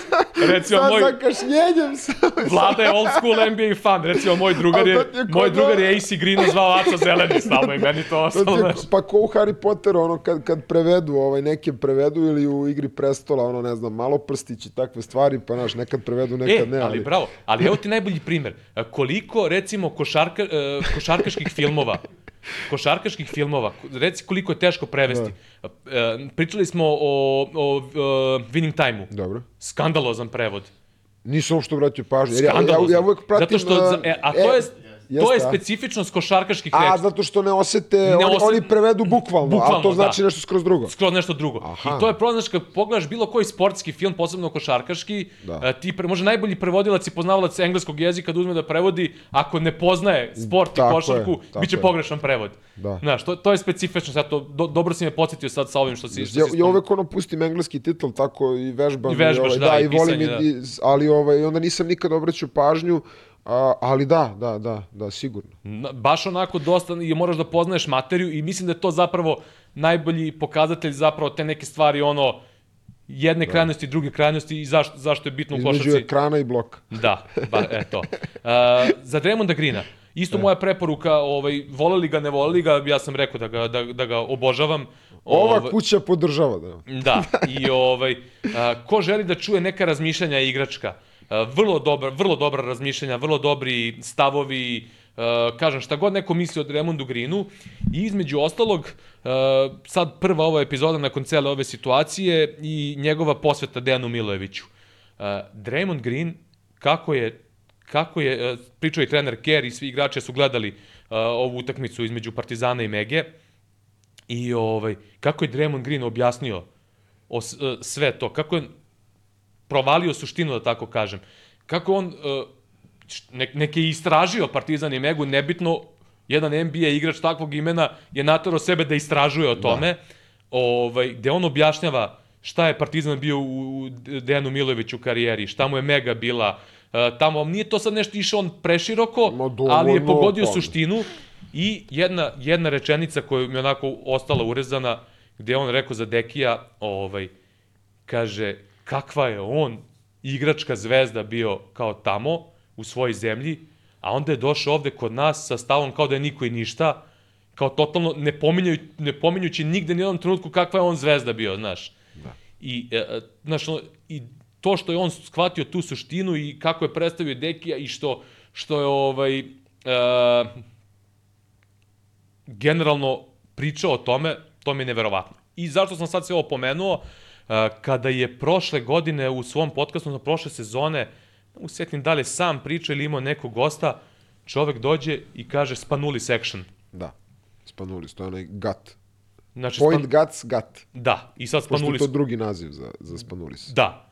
Pa i sad on koji zna šta je Spanulis, pa onda on objasni ko je Spanulis i sve. I sad nam se desi recimo na, na nekom prenosu gde ovi uh, evroligini komentatori ne znaju šta je. Da. I onda su iznenadili, ne znam ja šta, ne znam ko je, zaboravio sam koji je biš trenutak bio, i neko iznenađenje je bilo i šok kao. Da. Mislim da, ti, da sam ti slao to. Slao si mi, ne mogu E, ne mogu da setim koja je setim kont- utakmica ne mogu bila, ali je da bilo se kao, setim. da, za, Arla Ukas. Jel jeste? Arla Ukas je, brate. Ali ko, kako je došlo do toga da je Ne Spanulis? znam, kao zamislite kao da postoji to poštovanje, da postoji akcija koja se zove po vama. Taj, to je isečak, nisam tu gledao. Ne mogu se šta je kontekst bio, nije ni bitno. Uglavnom, uh, Dejan Draymond Green zna šta je Spanulis, da. Ovaj, i dolazimo na ovu priču sada. Znači, Pa kao što i Iverson kretnja postoji, kao što, mislim, to je to. gde ti Draymond objasni ko je Spanulis, šta da. je, zašto je ta akcija, koja je akcija i sve ostalo. Znaš, to je ta neka košarkaška, ono, Zajednica. moć. Zajednica, moć, ekosistem. Ekosistem, da. Ovaj, tako da, eto, ne znam, možda da time završimo ovu priču Da. o terminologiji, a vi, poštovani gledalci i slušalci, ako postoji neki termin koji vam nije jasan, mi ćemo rado, da. napišite da mi ćemo I rado možda da... im, ako i mi ne znamo, Mislim, da, istražit ćemo, istražit kao ćemo, za statistiku. ali generalno teško je sada ovako kad nemamo kad nemamo video da naš kroz Da, sam da, kroz same da. reči teško to bi bilo, objasniti. da, to bi bilo sjajno. Da, znači, prosto na, na video primjerima pokažemo te saradnje koje, koje, o kojima pričam. Da. Tako da, eto, pre-switch smo pomenuli. Jesmo imali neko pitanje za, za neke izraze? E, konkretno, da, da je neko Konkretno pitao? ne. Ne. Konkretno ne. Da, da. se ja sećam. Tako da, eto, ano, preuzimanja, triple switch je bilo, pitanje, ja mislim, da, možda. Da. Tri, triple switch, ajde, mislim, objasnili smo ga još jednom, sada iskoristimo da, uh, znači, triple switch je da je ono inicijalno preuzimanje visoki, niski, centar preuzima beka sa loptom, uh, bek preuzima centar ispod koša, onda dva igrača bez lopte, taj niski koji je preuzeo centar i tipa primer, ne znam, možemo da, da navedemo na primjeru Zvezde koja to često s Jagom radi, uh, tipa uh, preuzme Bolomboj beka sa loptom, Jago preuzme centra i da bi se taj mismatch smanjio, bez lopte brzo Jago ode u korner, a iz kornera, na primjer, Davidovac dođe i preuzme visokog igrača da bi se poništio taj mismatch. Eto, to je triple switch. Fenomenalno je to radila naša reprezentacija kod Saše Đorđevića mm -hmm. sa Bobijem Marjanovićem ovaj, su, su ga, ovaj, da kažemo, skrivali na taj način u odbrani od pick and rolla. Golden State sa Karijem, onim finalima, kada je LeBron tražio da preuzima Kari, Golden State je to do savršenstva doveo tada gde su radili taj triple switch. Ovaj, opet je moj pre-switch, to, to je obrnut samo redosled. Preuzmu bez lopte ova dvojica Dok dole. se penje, da. da. Da se penje niski igrač, da može da preuzme nisko igrača na bloku, što je Partizan uradio sa Kaminskim i sa Nanelijem, poslednji napad, odnosno poslednja odbrana prve četvrtine meča protiv Žalgirisa. To su neke koncepcije, jednostavno to su neke stvari iz moderne košarke i to su neka oružja, automatizmi, alati, kako Alati, se već to da. koristi danas, ovaj, ko, koji su postali uh, zaštitni znak svih ozbiljnih ekipa u nekim situacijama da je da moraju da spreče nešto. Tako da, ne znam, moj, moja neka želja je uvek bila i edukacija publike na taj Tako način, je. zarad la, la, la, lakšeg praćenja u, u ove utakmice same. Slažem se. Čemo A- draft. Ajde, ajde, tvoja tema, naterao si me. Naterao sam te teškom nekog- mukom, da. Teškom mukom sam te naterao, ali moram da padne neki draft u ovoj, u ovoj emisiji, ovaj, malo da odemo u tom smeru. A, ideja je bila da ovaj, izaberemo e, naše petorke, može plus jedan da bude i šesti igrač, a, iz ABA lige, ali bez večitih. Znači, ono, nema varanja, nema Roberto Carlos u špic Mhm. U špicu, napada. da, da, znači, čuveni nema- čari prvog pesa, eto. nema, nema biranja Brazila uopšte. Znači, ono, Brate, kako sam mrzao to kad neko uzme Roberta. Ja sam u startu, ono mi se ne igra kad mi neko stavi Roberta Carlosa u špici. Ne, ali ne, mi smo da imali stvarno pravilo, ono, znaš, ja sam začudio to jer nema biranja Brazila, brate, znači nema.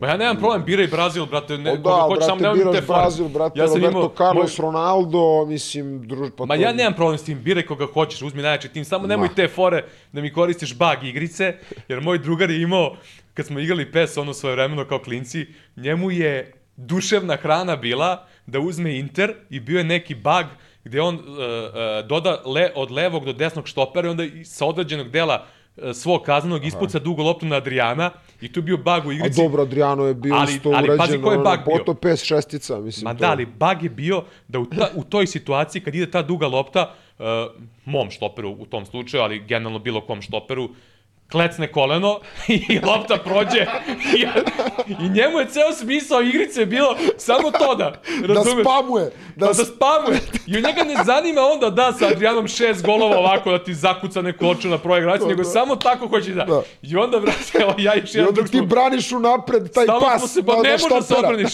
I onda smo se nervirali s njim kao, ajde, brate, igraj futbal, bre, prestani više da tražiš taj bug u igrici, znaš, ono. Tako da, ovaj, to, to je to. Uh, daj, daj pravila. Pravila, pa ovako, pravila i nema, samo da glasim, Hoćemo molim te. da, da, da ne bude isto iz iste ekipe, dva igrača ili kako hoćeš. Ne, da. ne, ne, ne, ne, može, može, E, dva iz može, iste. e. Nego šta hoće kažem, samo još jednom, ko kad smo birali one e, strance Partizana i Zvezde, Da. samo da naglasimo, znači, ovo je izbor nekih igrača koje mi volimo da gledamo. Da. Ne nužno najboljih, ne najefikasnijih, ne e, najtrofejnijih, ne on, znači, samo isključivo igrači koje, eto, voliš da vidiš na terenu zbog određenih stvari, potpuno nevezano, nevezano za rezultate ekipe je. i, i sve ostalo. Eto, da, da to od- odmah naglasimo još jednom, jer smo i prošli put naglasili, pa mnogi nisu razumeli Jeste. o čemu pričamo, kao deva mi ovaj, Kako deva mi ovaj onaj, nije bolji, kako ovaj, ovaj je bolji od ovoga, ovaj je bolji, jednostavno. Ne da Majzeu Morisa ni za šta na svetu, brate. Ono, Da. Ta, taman da je igra u Zvezdi, ne znam, ono, Durant na četvorci, Ajzea Moris. Ajzea Moris, brate, Pa znači, ne zanima me uopšte. Ajmo, pravila i kada pravila, krećemo. znači, dra, a, ko- će prvi da bira, hoćeš, ja ne znam ono zimi zami, mogu papir, kamen, Ajde, makaze, ko, ko će prvi? Daj onaj sistem što si ti, onaj Snake, ajde. Da, Snake, ali ko će prvi da bira, hoćeš ti, hoćeš Prepuštam ti, ajde, biri prvi. prvog pika, a ako uzem prvog pika, uzet ću ti tvog igrača, mislim, kako Kog? to, kako to da ti uradim, Kog, brate? kog? A, Luku Božića. Kako to da ti uradim, Aj, brate? ne, veze, znaš, ono, da. bez veze, ne, ura- mislim, šest igrača ćemo, ali ćemo Snake, ono kao, e, bilo je pitanje za fantasy, ovo, ja, ja stvarno slabo igram fantasy, bravo, a, da. više volim američki futbol fantasy jer je kraća sezona, jedno kolo, ovaj, dosta mi je lakše Euroligu, nikad nisam igrao, NBA sam igrao, tu su uglavnom svi posvađamo nešto i onda odustanem na pola godine, Da. tako da Ja sam, isto- baš sam slabo verziran. Isto, ja, ja sam još slabije uh, i zato mislim smo čak i rekli Da. u jednoj od prvih epizoda da se nećemo mešati.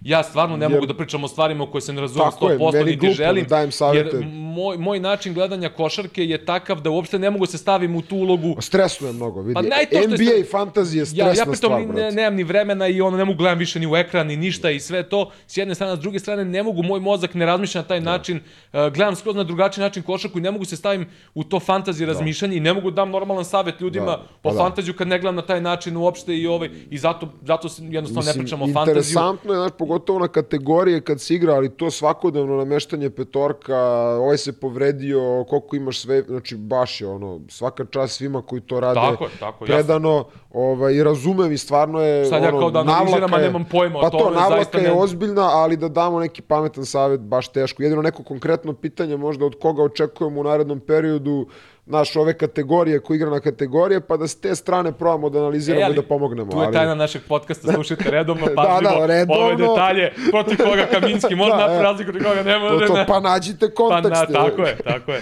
A- A, kako smo privukli gledalce sada Da. sa ovim, kao naš. Tako da Snake draft kao, kao ovaj, u fantasy draftu, ko ima prvi pik, ovaj sledeći ima drugi i treći, pa ovaj ima četvrti i peti i tako dalje. Znači, ja, ja biram prvi, jel? Pa, na, nemoj uzmi da prvi, a ne. prvi, a ne mogu, ne mogu, a, ne mogu Dobro, da ne uzmem ajde. prvi pik njega. Dobro, ovaj, ajde, okej, a, a, sad, ja, ja, ja a imam pravo, ja, ja jednog biram sad, jel? Da, Dobro, ajde, evo Luka Božić i stavljam ga na četvorku.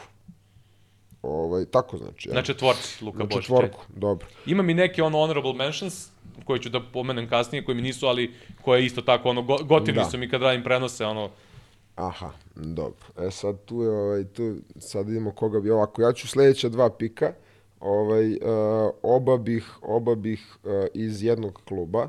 Ovaj, iako da iskoristim ovu rupu, sad još uvek zvanično nije otišao, pa ovaj, ću da iskoristim Matkovića. da, da, na, na pet ovaj, ćemo Matkovića. Da. Ovaj, iz Imam ga. očiglednih razloga, mislim prosto ovaj, nadam se, stvarno mu želim sve najbolje ovaj, i u Americi, on ide u NBA, jel tako da će... Tako su vesti da će u, u New Orleans da ode posle onako još vrlo- jedno dve utakmice ima da odigra. Ja i- volim atlete centre, stvarno, uvek su mi ovako uh, prioritet kada razmišljam o centarskoj poziciji i ovaj, vidjet ćemo kako će dalje da A se on još razvija. ima prostor da se razvije. Jest. A sećaš se, gledali smo ga ovde zajedno uh, kad je bio na koš, uh, Basketball Without Jest. Borders NBA. Još je bio Sirov još uvek igrač. Sirov, a tada smo pričali Jest. kako ima ruku i da imam utisak da može da namesti šut za tri poena i tekako. Vrlo interesantan igrač i on je igrač koji meni uh, uh, odaje utisak da će s godinama onako prosto sve bolji i bolji da bude. Da je, jer ima tu uh, zdrav razvoj, da nije prerano dostigao svoj vrhunac, da prosto dobro telo, dobra energija, Znaš šta se meni sviđa kod njega? Što on u svakom trenutku bilo kakve utakmice ima želju da zakuca preko To je trojice. to, to. A to- upravo to vezano za atleticizam na poziciji centra, to stvarno ovaj preferiram. Tako da, Da. tako da Dobro. ide ide Matković. Matković je na, na pet, jel? Jeste. Dobro. I ovaj i tu 2 3, ajde videću zavisno od narednih izbora koga mi budeš uzeo, moram Jaku Blažića ovaj Dobro. da da uzmem iz ono očiglednih razloga. Jaka je nekako igrač koji je imao te puteve onako malo ovaj specifične u karijeri, pa imam utisak da je u ovoj fazi podcenjen igrač, kako to zvuči ovaj glupo, a, jer je igrač koji opet ima tu energiju, ima intenzitet, ovaj onako a, pozitivno je lud, što isto ja volim kod tih ovaj bekova, a, može prosto u ovoj fazi karijere i da pogodi, može da probije, ovaj onako baš tip igrača kakvi ja volim, tako da definitivno Blažić ide. Uh, sad ja biram dva, jel tako? Matkovića, da. Dobro. Da, sam Blažića i znaš kako, ja- sam imao dosta problema da nađem uh, nekog na poziciji beka šutera, ovaj, tako da sam igrao s, s- sa nižom posla dva pleja petorka. Dakle, Legitimno, legitimno. I ovo što kažem, znači, i kad pravimo ovu petorku, ne pravimo i po ovim stvarima, tipa može preuzima, ne može preuzima, znači samo pravimo po tome ko nam, čija nam se igra sviđa. Tako da ću ja sad, uh, kao da kažemo, beka šutera, odnosno kao drugog ball handlera, staviti Jogija Ferela na dva, nazovi na dva, i na poziciji centra, takođe sada iz istog tima, Kenan Kamenjaš. A, da, dobro. Znaš, uh, volim tu njegovu snagu, tu neku beskompromisan ulazak u duel, Jeste. tu neku njegovu borbenost. Dosta je onako old schoola, ima neku dozu atleticizma. Ne bi ga poredio sa Nikolom Pekovićem da neko pogrešno ne shvati, ali neka onako light verzija, znaš, nije ta snaga, da, ali naravno, ima nije taj nivo, ali ima taj intenzitet, nek- razumijem što ćeš da kažeš. Neki da. kontakt i neku vrstu I atleticizma. voli da koristi tu Tako svoju je. snagu i svoje telo, što, je, što zvuči kao logična stvar, ali Da. nažalost imamo jako često igrače koji imaju snagu a koju ne da koriste. Ni- Ili, ili, nisu ne žele da je Ili nisu svesni svoje snage, Tako ne znaju je. da artikulišu svoju snagu. Tako da, eto, ja idem sa, sa Jogijem na 2 i sa Kamenješem na, na 5. Dobro.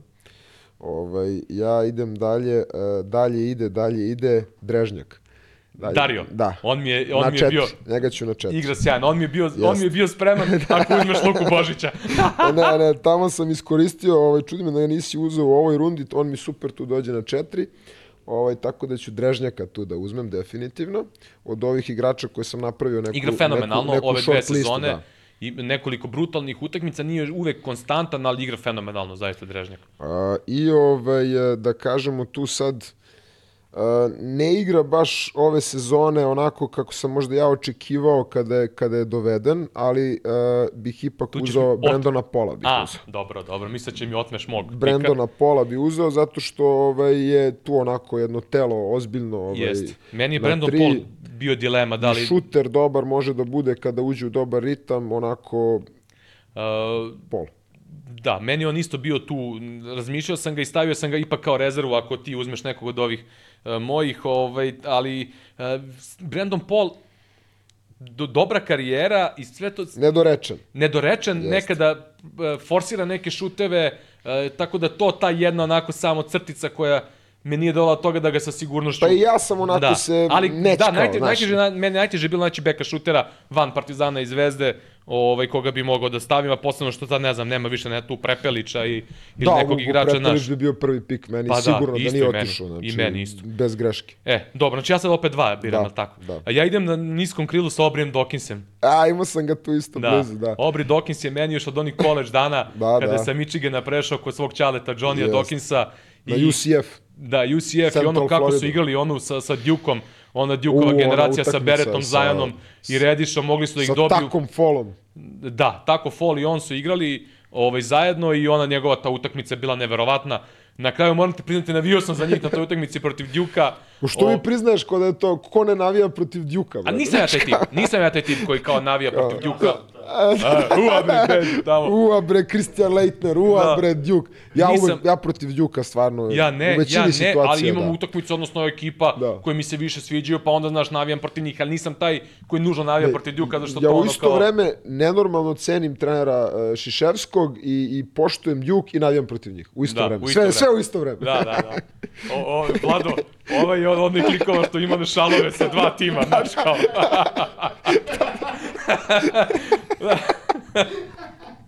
Ne, ako pobedi Djuk, onda, onda poštujemo trener svaka čast, a ako izgube, onda, a, ako Da. ste izgubili. Brate. Dobro, a ne, neko, tako baš da- je, brate, navijati protiv Djuka je nekako, baš je lagano, mislim, nekako ti dođe lagano, brate, znaš. Baš su specifična ekipa da navijaš protiv njih. Pa Recimo. Kentucky, uvek navijam protiv Kentuckija, brate. Ja nemam te... Ne znam zašto, ali eto tako, Kentucky i Duke su mi uvek, možda čak i više protiv Kentuckija nego protiv Pa Duke. da, ja recimo prema Kentuckyu nemam nikakvo ono... A inače mi je. Severna Karolina mi je iskreno onako ja, simpatična. Ja znaš. isto gotivim se. Pa onda i Stil zbog igre, toga protiv. Stil, stil igre, ovaj, ovaj, posebno uh, sam ranije ono voleo, pa mislim i sad, sa promenom trenera, ok su mi, ali ono ranije, ranije mi je bilo onako nekako uvek njihova igra mi se sviđala, njihov, uh, njihovi, njihov rekrutment, odnosno stil, Da, da, tip igrača da. koje dovode, Znaš, ono, ono, ja sam recimo ono, eru Kendala Marshalla obožavao Uf. sam na playu, brate. Uf, Kendall Marshall. Ka Da. Kakva, je, kakva, mislim, ono... Znaš, pa i, ne znam, i ono, Tyler Njega Hansbrough sam i baš ono, znaš, obožavao, i- ali Marshalla sam obožavao. Toko mi je žao Isto, što što napravio neku bolju karijeru jer je mađioničar. Ja bih volio da je došao u Evropu, znaš, kad da, nije već da. u NBA. Ja sam navio svake godine da dođe u isto, Evropu. isto, isto, isto. I pričao sam s brojnim trenerima, odreku, pogledajte ga, evo ga. Kakav doktor. Znaš, ono, mislim da bi mogao da ostvari nešto što je možda Marcus Williams uradio u Crvenoj zvezdi, Da, da je mogao vrlo lako u Evropi da napravi. Znaš, iako je Marcus Williams, Bolji šuter, mislim. da, bolji šuter mnogo, ali generalno taj vid kreativnosti i to, znaš, možda bi čak i danas, možda bi čak i danas, u današnje vreme, gde sad se dovode igrači za tako neku ulogu, možda bi i lakše prošao, ko zna. Da. Dobro, tako da eto, Obri Dawkins, iako možda se nije u potpunosti, nema mi taj kontinuitet koji sam očekivao da će imati u Evropi, ipak eto njega tu stavljam. I na jedan ide Borna Kapusta. Morao si ovako jednog eh, Morao regionalnog favorita da staviš. Morao sam, brate, to Da je ti da taj eh, nepredvidivi šmek u Tako ekipi. je, brate, tako je. Da. To, znači, to te njegove asistencije, to je jedan od onih igrača što je rekao da mi ispoštovao, znači ono prva, uh, meni se često Svako ima neki svoj kriterijum. Tako je, Njegov je koga ispuštuje. Ko, pričam ti koliko puta tako dođe neki igrač, ono koga ja predstavim, znaš, ono, iz najbolje želje, znaš, da, da, da publika zna o, o čemu se radi, šta, kako, i dolazi Kapusta prvi put na ABA ligaški nivo, ono, godinama u Gorici, igra, ono, atipična građa za tu poziciju, znaš, svi očekuju, nema šanse da igra u ABA ligi, ja pričam, ono, kreativnost, ono, maltene rang Miloša Olesića, prva utakmica, prvo kolo prošle godine Cibona Partizan i on 15 asistencija, rekao, evo, jedan, konačno da me To nije, je ne- taj. on i Brady Heslip, pa rekao sam ti, Heslip me isto nije, nije razočarao kad sam ga predstavio na prvoj odmah krenuo da, da sipa ko lud. Ovaj, tako da eto, dakle, meni je petorka Kapusta, Jogi Ferrell, Obri Dawkins, Luka Božić, Kenan Kamenjaš. A šest igrač koji ti... A ne, ti ćeš šestiti, ostaje poslednji. Posle, da. da. da. E pa ovako. Ja ću tu sad malo da uđem u ovaj, onako, u ove improvizacije trenerski inspirisan trenerom Obradovićem. Mi nećemo da igramo sa, ovaj, sa, Sa čistom jedinicom, znači Da. to nas ne zanima. Ovaj, ova pozicijona veličina mi je ovaj, interesantna. Tako da na jedan, ovaj, u kombinaciji sa Blažićem na jedan ide Đurišić. Ide Đurišić. Mhm. Samo ću ti reći, znači ovo si sad uradio, moram se vratiti na Seinfelda kao u svakoj epizodi, kao kad se Konstanca i Jerry Seinfeld dogovara će se uozbiljiti i kao da neće više klinačke se ponašati, nego će da pronađu devojke, da se ožene i sve ostalo, pa kad Jerry raskine, a ovaj verio, verio suzam i onda ljuto Jerry sve vreme, ispalio si me, imali smo dogovor, kao, znaš, ti si me sad ispalio, ja idem sa, sa klasičnim play, kažem, nebitno kad, znaš, ono da li može ovaj doći kaže, idem pozicijona veličina da možemo preuzeti. Ovaj, tako da i sad sam u jednoj ovaj, dilemi e, velikoj, ali e, morat ću, morat ću ovdje da, da ispuštujem e, e, iskustvo i da dobijemo dodatnu onako čvrstinu, da vas prebijemo do kraja. Ovaj, ide kao šest igrač, ide Gagi Milosavljević. Dobro. E, pazi, e, meni sad igrači koji sam imao u rezervi, poklopili su nas, naravno, Dario Drežnjak, Matković, e, Brandon Paul i sad ja hoću da uzmem šestog igrača. I sad ja idem s jednim iznenađenjem. Znači ja kontr tebi. Šesti igrač, Danilo Tasić. Uuu, interesantan pik, priznajem. Da. Vrlo interesantan pik. Znaš, volim te uh, igrače koji znaju da igraju, koji ono... Majstor je, majstor je Tasić, stvarno. Stvarno, znači sad ne ulazimo u nivo Dobro, na naravno, zbog i sve. atleticizma i sve, ali, I- ali, ali stvarno, što se košarke tiče čitanja, je. ozbiljan igrač. Odličan igrač, ovaj, tako da, eto, njega sam stavio na šestog, eh, kao šesto igrača, pored ovih što sam pomenuo, tu su mi još bili ovaj, Mali Miljenović iz Mege, I meni o kome smo pričali, ovaj, eto, čak je malo i nadmašen nekim utakmicama, 28, 24, tamo ovamo. Ti si ga vidio, ono, znači, re, rekao si, pomenuo si ga i uporedio sa tim Vesa Petrović, dok još uvek ovaj, nije bilo ni blizu toga, tako da, Da, to ti odajemo priznanje za taj Eto. find. Dobro. Uh, Ko ti još bio od E, ovih e, uh, ka- honorable mention ili Honorable ti mention, uh, dva igrača- časna pominjanja? da, uh, dva igrača iz Mornara. Aha, Marcus Weders, bra- dobro. koji mi je sjajan, iako je undersize četvorka, ono krilo koji igra četvorku, ta energija, ono igra licem ka košu, zakucavanja i sve ostalo, uh, onako, atraktivno mi je kada prenosi Mornar, da, da atraktivno, njegovi potezi su mi atraktivni, znaš. Ovaj, I drugi igrač isto iz Mornara, ovaj mali Tevian Dan Martin, Ovaj mali. Dobar ti je ovaj mali. najniži igrač lige. Ko ti je ovaj mali? 170 koliko, 2, 3, 4, 5, koliko je visok, ne znam ni ja. Evo sad imao neku ludu utakmicu, znaš, da ne bude da sam ga zbog toga pomenuo, nego jednostavno, on kad uđe, on, mislim, stalno se izjezamo, ono, kao, kakva je to košarka. Nema bez nemaš- niskog pleja, Bez da. niskog pleja sa dobrim šutem. Ovaj, tako da, a nisam mogao da ga stavim u prvu petorku, zato što bi bilo previše on i Yogi Ferrell. Ali on svaki put kad uđe na teren, Mornar kreće da igra, da trči, on ima slobodu, šutira, Naš, i nekako Mornar koji je uspeo da napravi tu doselekciju sa nekim malo iskusnim a, Amerikancima, kažem malo iskusnim u smislu da su već igrali u Evropi, za razliku od onih početnih, totalno sad promenili Mornar, e, malo im nedostaje da počne da skida skalpove ovim timovima, ali sa svima su igrali sasvim korektno, s obzirom na početak sezone, a mislim da kada on na terenu, zaista to nekako izgleda drugačije. Znaš. Tako da eto, to su, to su moji svi igrači koje sam da. pomenuo. Ja ću, ovaj, imam malo, malo više, ovaj, pa neću da, da e, dužim pretan. šestog, jesi? Da. Jesam, jesam, to je to. Moja, moja petorka je uh, Blažić, Đurišić, Pol, Drežnjak i Matković i Milosavljević kao šest igrači, kao šef tu, onako da ko nešto krene da vileni, da to izreguliše sve da. kako treba. A, od ovih a, pominjanja časnih, a, znači, pomenuo si ti Miljanović i meni isto je na spisku.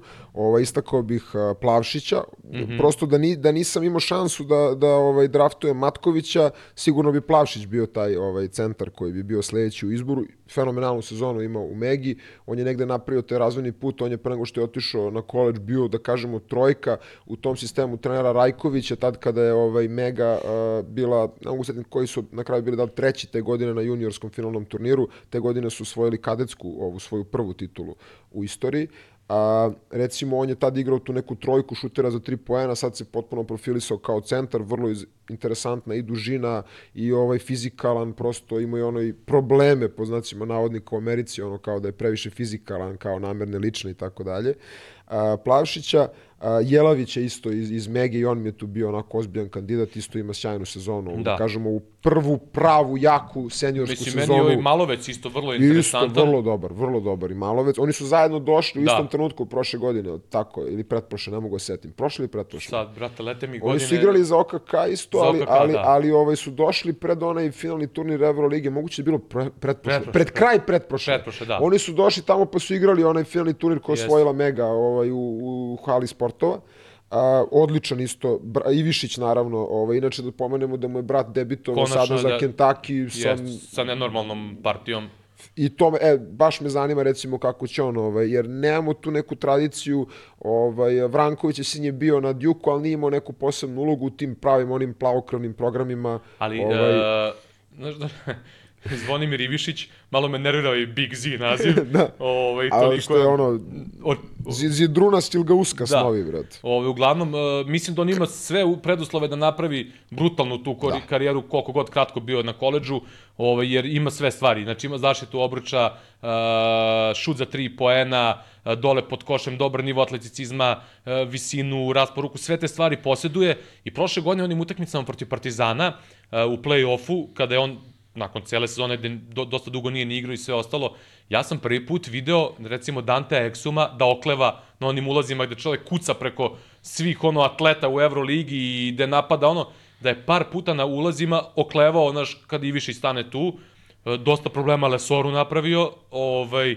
tako da dečko zaista ono, ima sve preduslove da iskida sezonu na, na, Slažim na tom programu, mislim, kakav je takav je, a to će mu podići još više vrednost, jer znamo... Slažem se. Pa interesantan korak, stvarno, nisu se puno ovaj, tih, eh, da kažemo, regionalnih, najvećih talenata odlučivali na taj korak, tako da... Ali ovaj, već smo pričali o NL-u, da, da, o opasnosti se, koja se nadvila se, nad da, evropskom da. košakom zvanom, zvanom NCAA, da će sve više i više talenata ići tamo. Uh, Moram samo, izvini, još, znači, Fletcher McGee, Ovaj, on je trebao da bude da. taj šuter, da, ali odlučio sam se ipak za ovaj, kompaktniju ekipu. Edi Natić, ovaj, isto mm -hmm. interesantan igrač i na onako više na, na neke stare zasluge, ali zbog toga što sam ga uvek izuzetno cenio kao centar Togljen Kuzmić, ovaj uh, uh, neverovatno da, neverovatno da. da on je sad u FNP-u neverovatna jedna motorika na tu visinu defanzivne partije koju on pruža u toj svojoj zlatnoj eri ovaj, kod, kod Radonjića su bile stvarno nešto što je jako, jako, jako teško. Dobro si me podsjetio, ja bih tu dodao malog Besona, isto iz FNP-a, koji mi da. isto vrlo interesantan.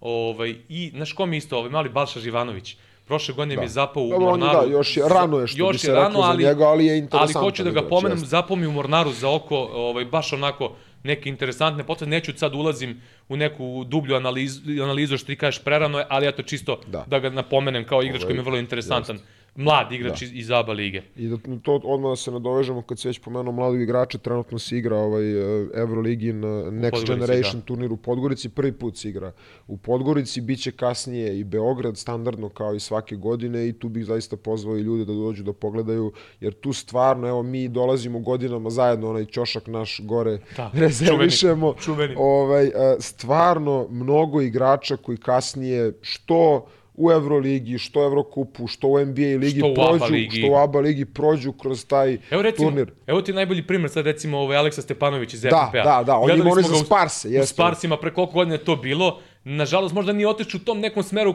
koji smo mi očekivali, Jeste. jer je mene on e, prvu, drugu poziciju igrao tada kao klinac u Sparsima, mene on neodoljivo podsjetio na tu neku, onu, e, na Kukoča i na, i na Da, Paspalja. da, Neke da. one stvari, na što je Dragan Nikitović govorio, one čvrtije, znaš, ono, uđe ti napravi neku ono, znaš, ne znaš ni šta uradio, da. sludite i da, znaš, seća se koliko smo uživali, Sjećam recimo, se, da gledamo. On je taj turnir stvarno odigrao fenomenalno. Fenomenalno. Jeste.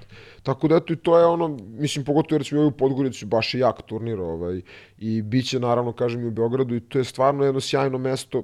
Dođu ljudi naravno na finale, pogotovo kad igraju Zvezda i Partizan, ovaj, ali opet i ove sve ostale utakmice baš, baš može da se vidi dosta kvalitetnih stvari i mladih igrača dobrih. Tako da. Dobro, ili imamo još neku temu, imamo još desetak minuta, Da malo ubijemo, manje od da. 10 minuta. Uh, jednu stvar Ovaj. koju, koju bi samo još pomenuo, što mi sad zapalo za oko, a pričali smo ranije na temu NBA-a, Uh, pa sada imamo priliku recimo da pričamo o značaju Partizana i Zvezde uh, za Euroligu u smislu ovog interesovanja publike i sve. Uh, zapalo mi je za oko uh, u Evrokupu uh, uh, taj neki faktor Bešiktaša i Arisa.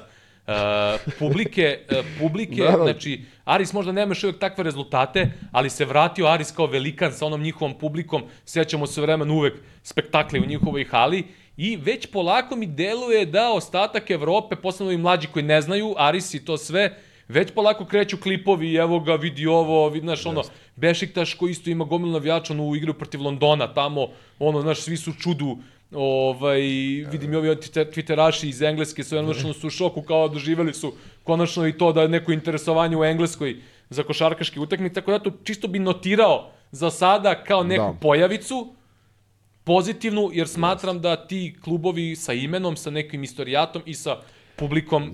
Sam- bitno menjaju. Samo je nemoguće da notiraš tu pojavu, a da, a da se barem ne nadovežem u kontekstu da je to pravac u kom košarka treba, Treba da se da, razvija. apsolutno. Jer je to, treba naći balans, treba naći izvore finansiranja, sve razumem, prosto bavim se ovim poslom, znam koliko je košarka sport koji zavisi od mecena, koji je negde e, neprofitabilan u svojoj suštini dale, e, kada pričamo o svetu van NBA lige, ali je e, put za interesovanje, razvitak i za tu e, pravu priču košarkašku su takvi klubovi, klubovi koji imaju navijače.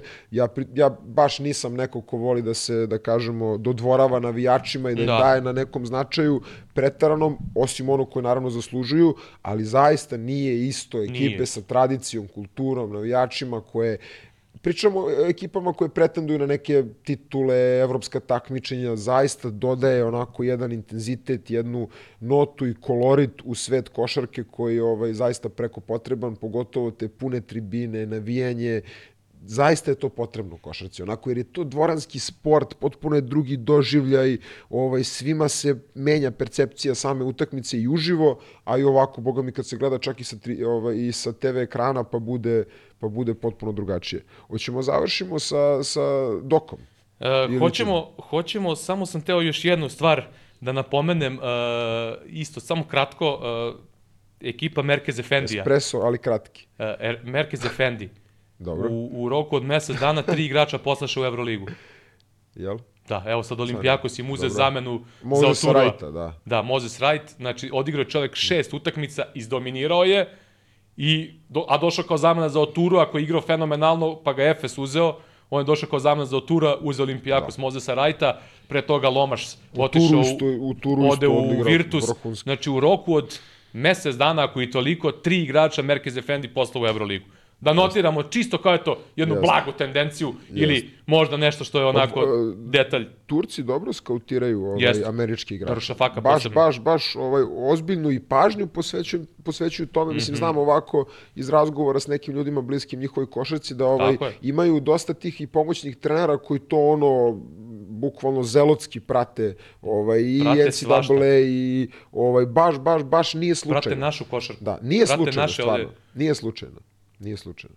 Ovaj, spomenuti Amerikancima, recimo Astana ove godine u VTB ligi ima Hem. izuzetno Hem. zani... Royce Hem, Hem, kakav brate, igrač. uh, Kak... Royce znači, Hem, kak... čudo. Evo sad su odigrali protiv Samare, dobili su ovaj, za Samaru igraju naši Rebić i, i Zagorac, Zagorac, ovaj, a za Astanu igra sada i naš Vas, Vasa, Vasa Pušica. Pušica, jeste. Ovaj, dobili su sada Samaru u gostima, ovaj, uh, jako jedna specifična ekipa, ali baš imaju dominantne Amerikance, zato kažem Astana i recimo Carvel Anderson, ovaj, to je isto onako igrač koji celu svoju karijeru je ovako meandrirao mm. po, po celom svetu, jedan šuter, čistokrvni, onaj, onaj ubica iz van balansa, iz, iz, iz svih da. mogućih situacija. Već je igrao na nekim onim, da, da kažemo, na višim nivoima. A to ima amplitude, pa da. Pa je otišao jest. nazad.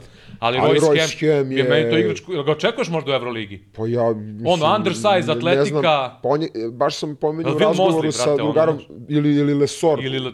Recimo, meni podsjeći na njega u određenim stvarima.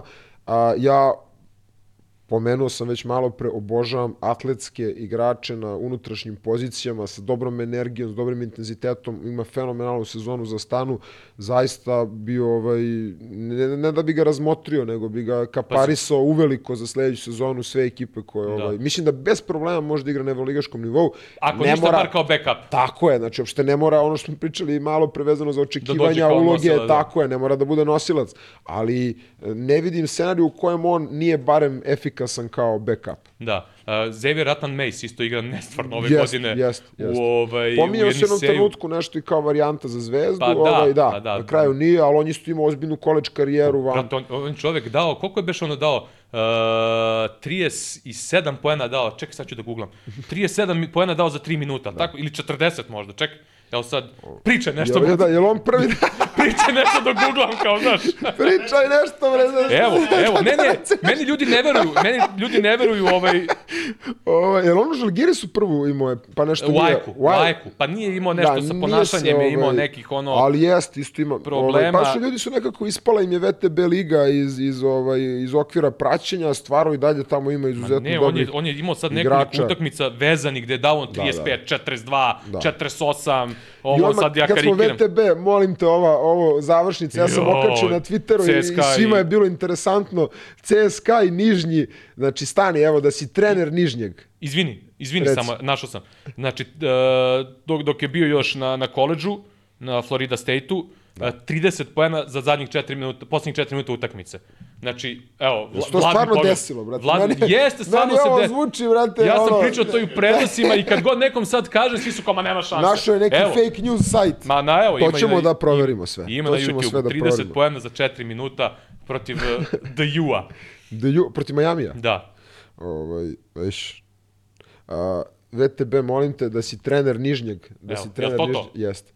Da si trener Nižnjeg Šta, brate? Šta radiš u tom trenutku? Uh, A znaš šta je meni fascinantno? ili posle? Ali pa u tom trenutku i po, ono, izađeš s klupe. Pa to je igrač... Produžetak nećeš da gledaš. To je igrač koji ima 37, 38 godina, koji je igrao i Euroligu i... A, ali znaš šta je meni najjače od svega?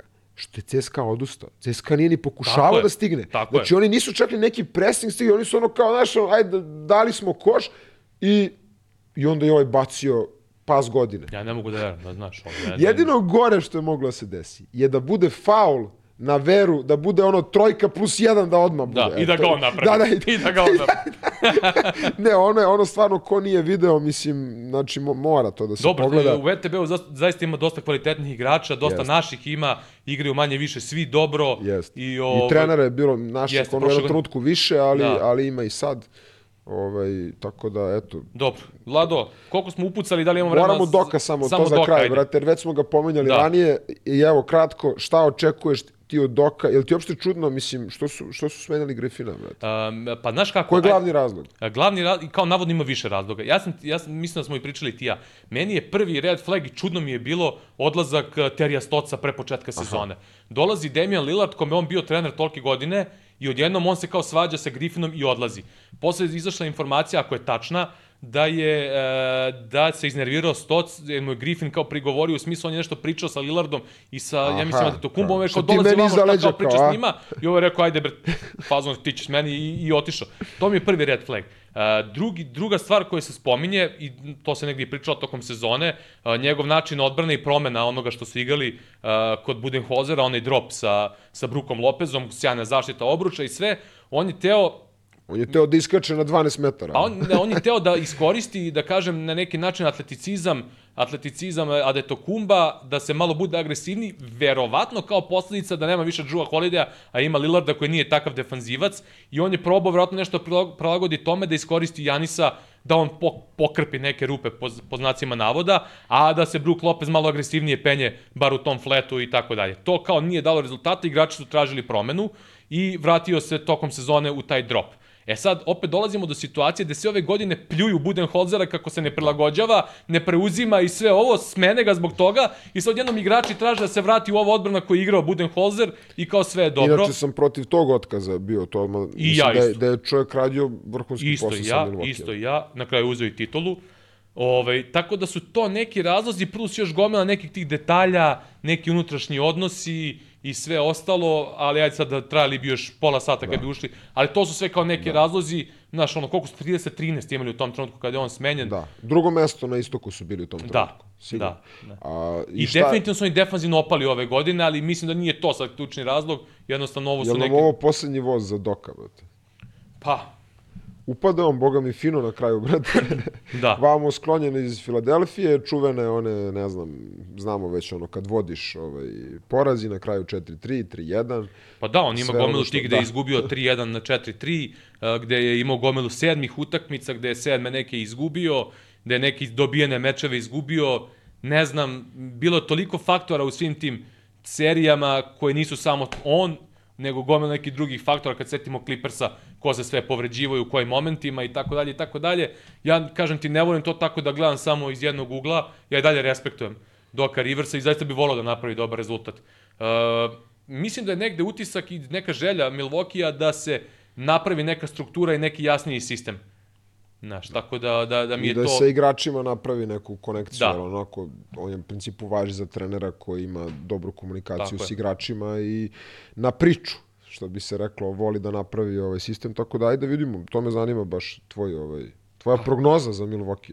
Pa ne znam, evo, pravo ti kažem, ovaj, ti znaš da ja gotivim Boston i sve, ali nekako stalno imam neku, bla, neko blago nepoverenje, jer ove godine vidim da pokušavaju da nađu načine, plan B, plan C i ostalo ako šut ne ide. Prošle godine su imali mnogo problema, ali dalje nisam 100% ono, nisu me kupili ono Da. 100% u smislu kao to je to, iako brutalno deluju u određenim momentima i defanzivno su ove godine mnogo bolji i sve ostalo, ovaj, ali ajde da vidimo kako će to izgledati, znaš, ne znam još, Milwaukee ima dosta igrača koje mora da, da dobiju neku Nije svoju to, ulogu. nije to leglo realno Mislim kako da te sporedne uloge da. nisu legle, iako je ovog malog Andreja Jacksona, koga smo mi pominjali sa, Ken, sa Yukona, ovaj, kao mog ljubimca i sve, dobio neku svoju Da. ulogu, ja sam, pričali smo, rekao sam, nema šanse da ga ne prihvati ekipa onakvog koji hoće da doda, koji je pozitivan, koji hoće sve da radi na terenu, Znaš, njegova uloga, Bouchampova uloga i sve to su neke stvari koje nisu da. još legle na svoje mesto i to će biti glavni zadatak, ja mislim, Doka Riversa, da to uklopi i da u toj nekoj varijanti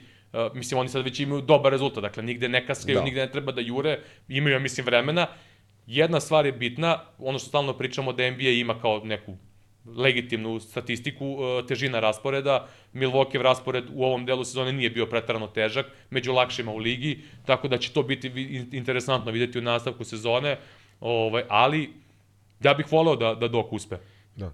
Sad dok, dok si bukvalno pokušao da se setim gde sam čitao ili gde sam čuo da neki igrač nešto nije bio baš zadovoljan saradnjom sa, sa Dokom Riversom i setim se da je Gortat ovaj, baš u nekom intervju, da inače izuzetno pohvalno se izrazio treneru Saši Obradoviću, da mu je bio možda jedan od najvažnijih faktora u karijeri i za uspeh i baš je kao za Riversa kao ne kao sve okej, ali kao nije prosto to bilo to naj, najlošije sam se snašao s njim kao To, trenerom. to, to je normalna A stvar. normalna stvar. Normalna naravno. stvar, nekome odgovara, nekome odgovara. Da. Ne, Znaš, a to smo i pričali, ono, što, što je tebi otrov, meni je lek i obrnuto. Tako mislim, je. mil, milione takvih primjera, ne treba uopšte to gledati tako slepo, kao da jedan kaže, mislim, koliko situacija imaš oko sebe da neko za nekog priča nešto, a ti to drugačije doživljavaš. Tako je. Tako da uopšte ne treba to uzimati toliko zdravo za gotovo, da.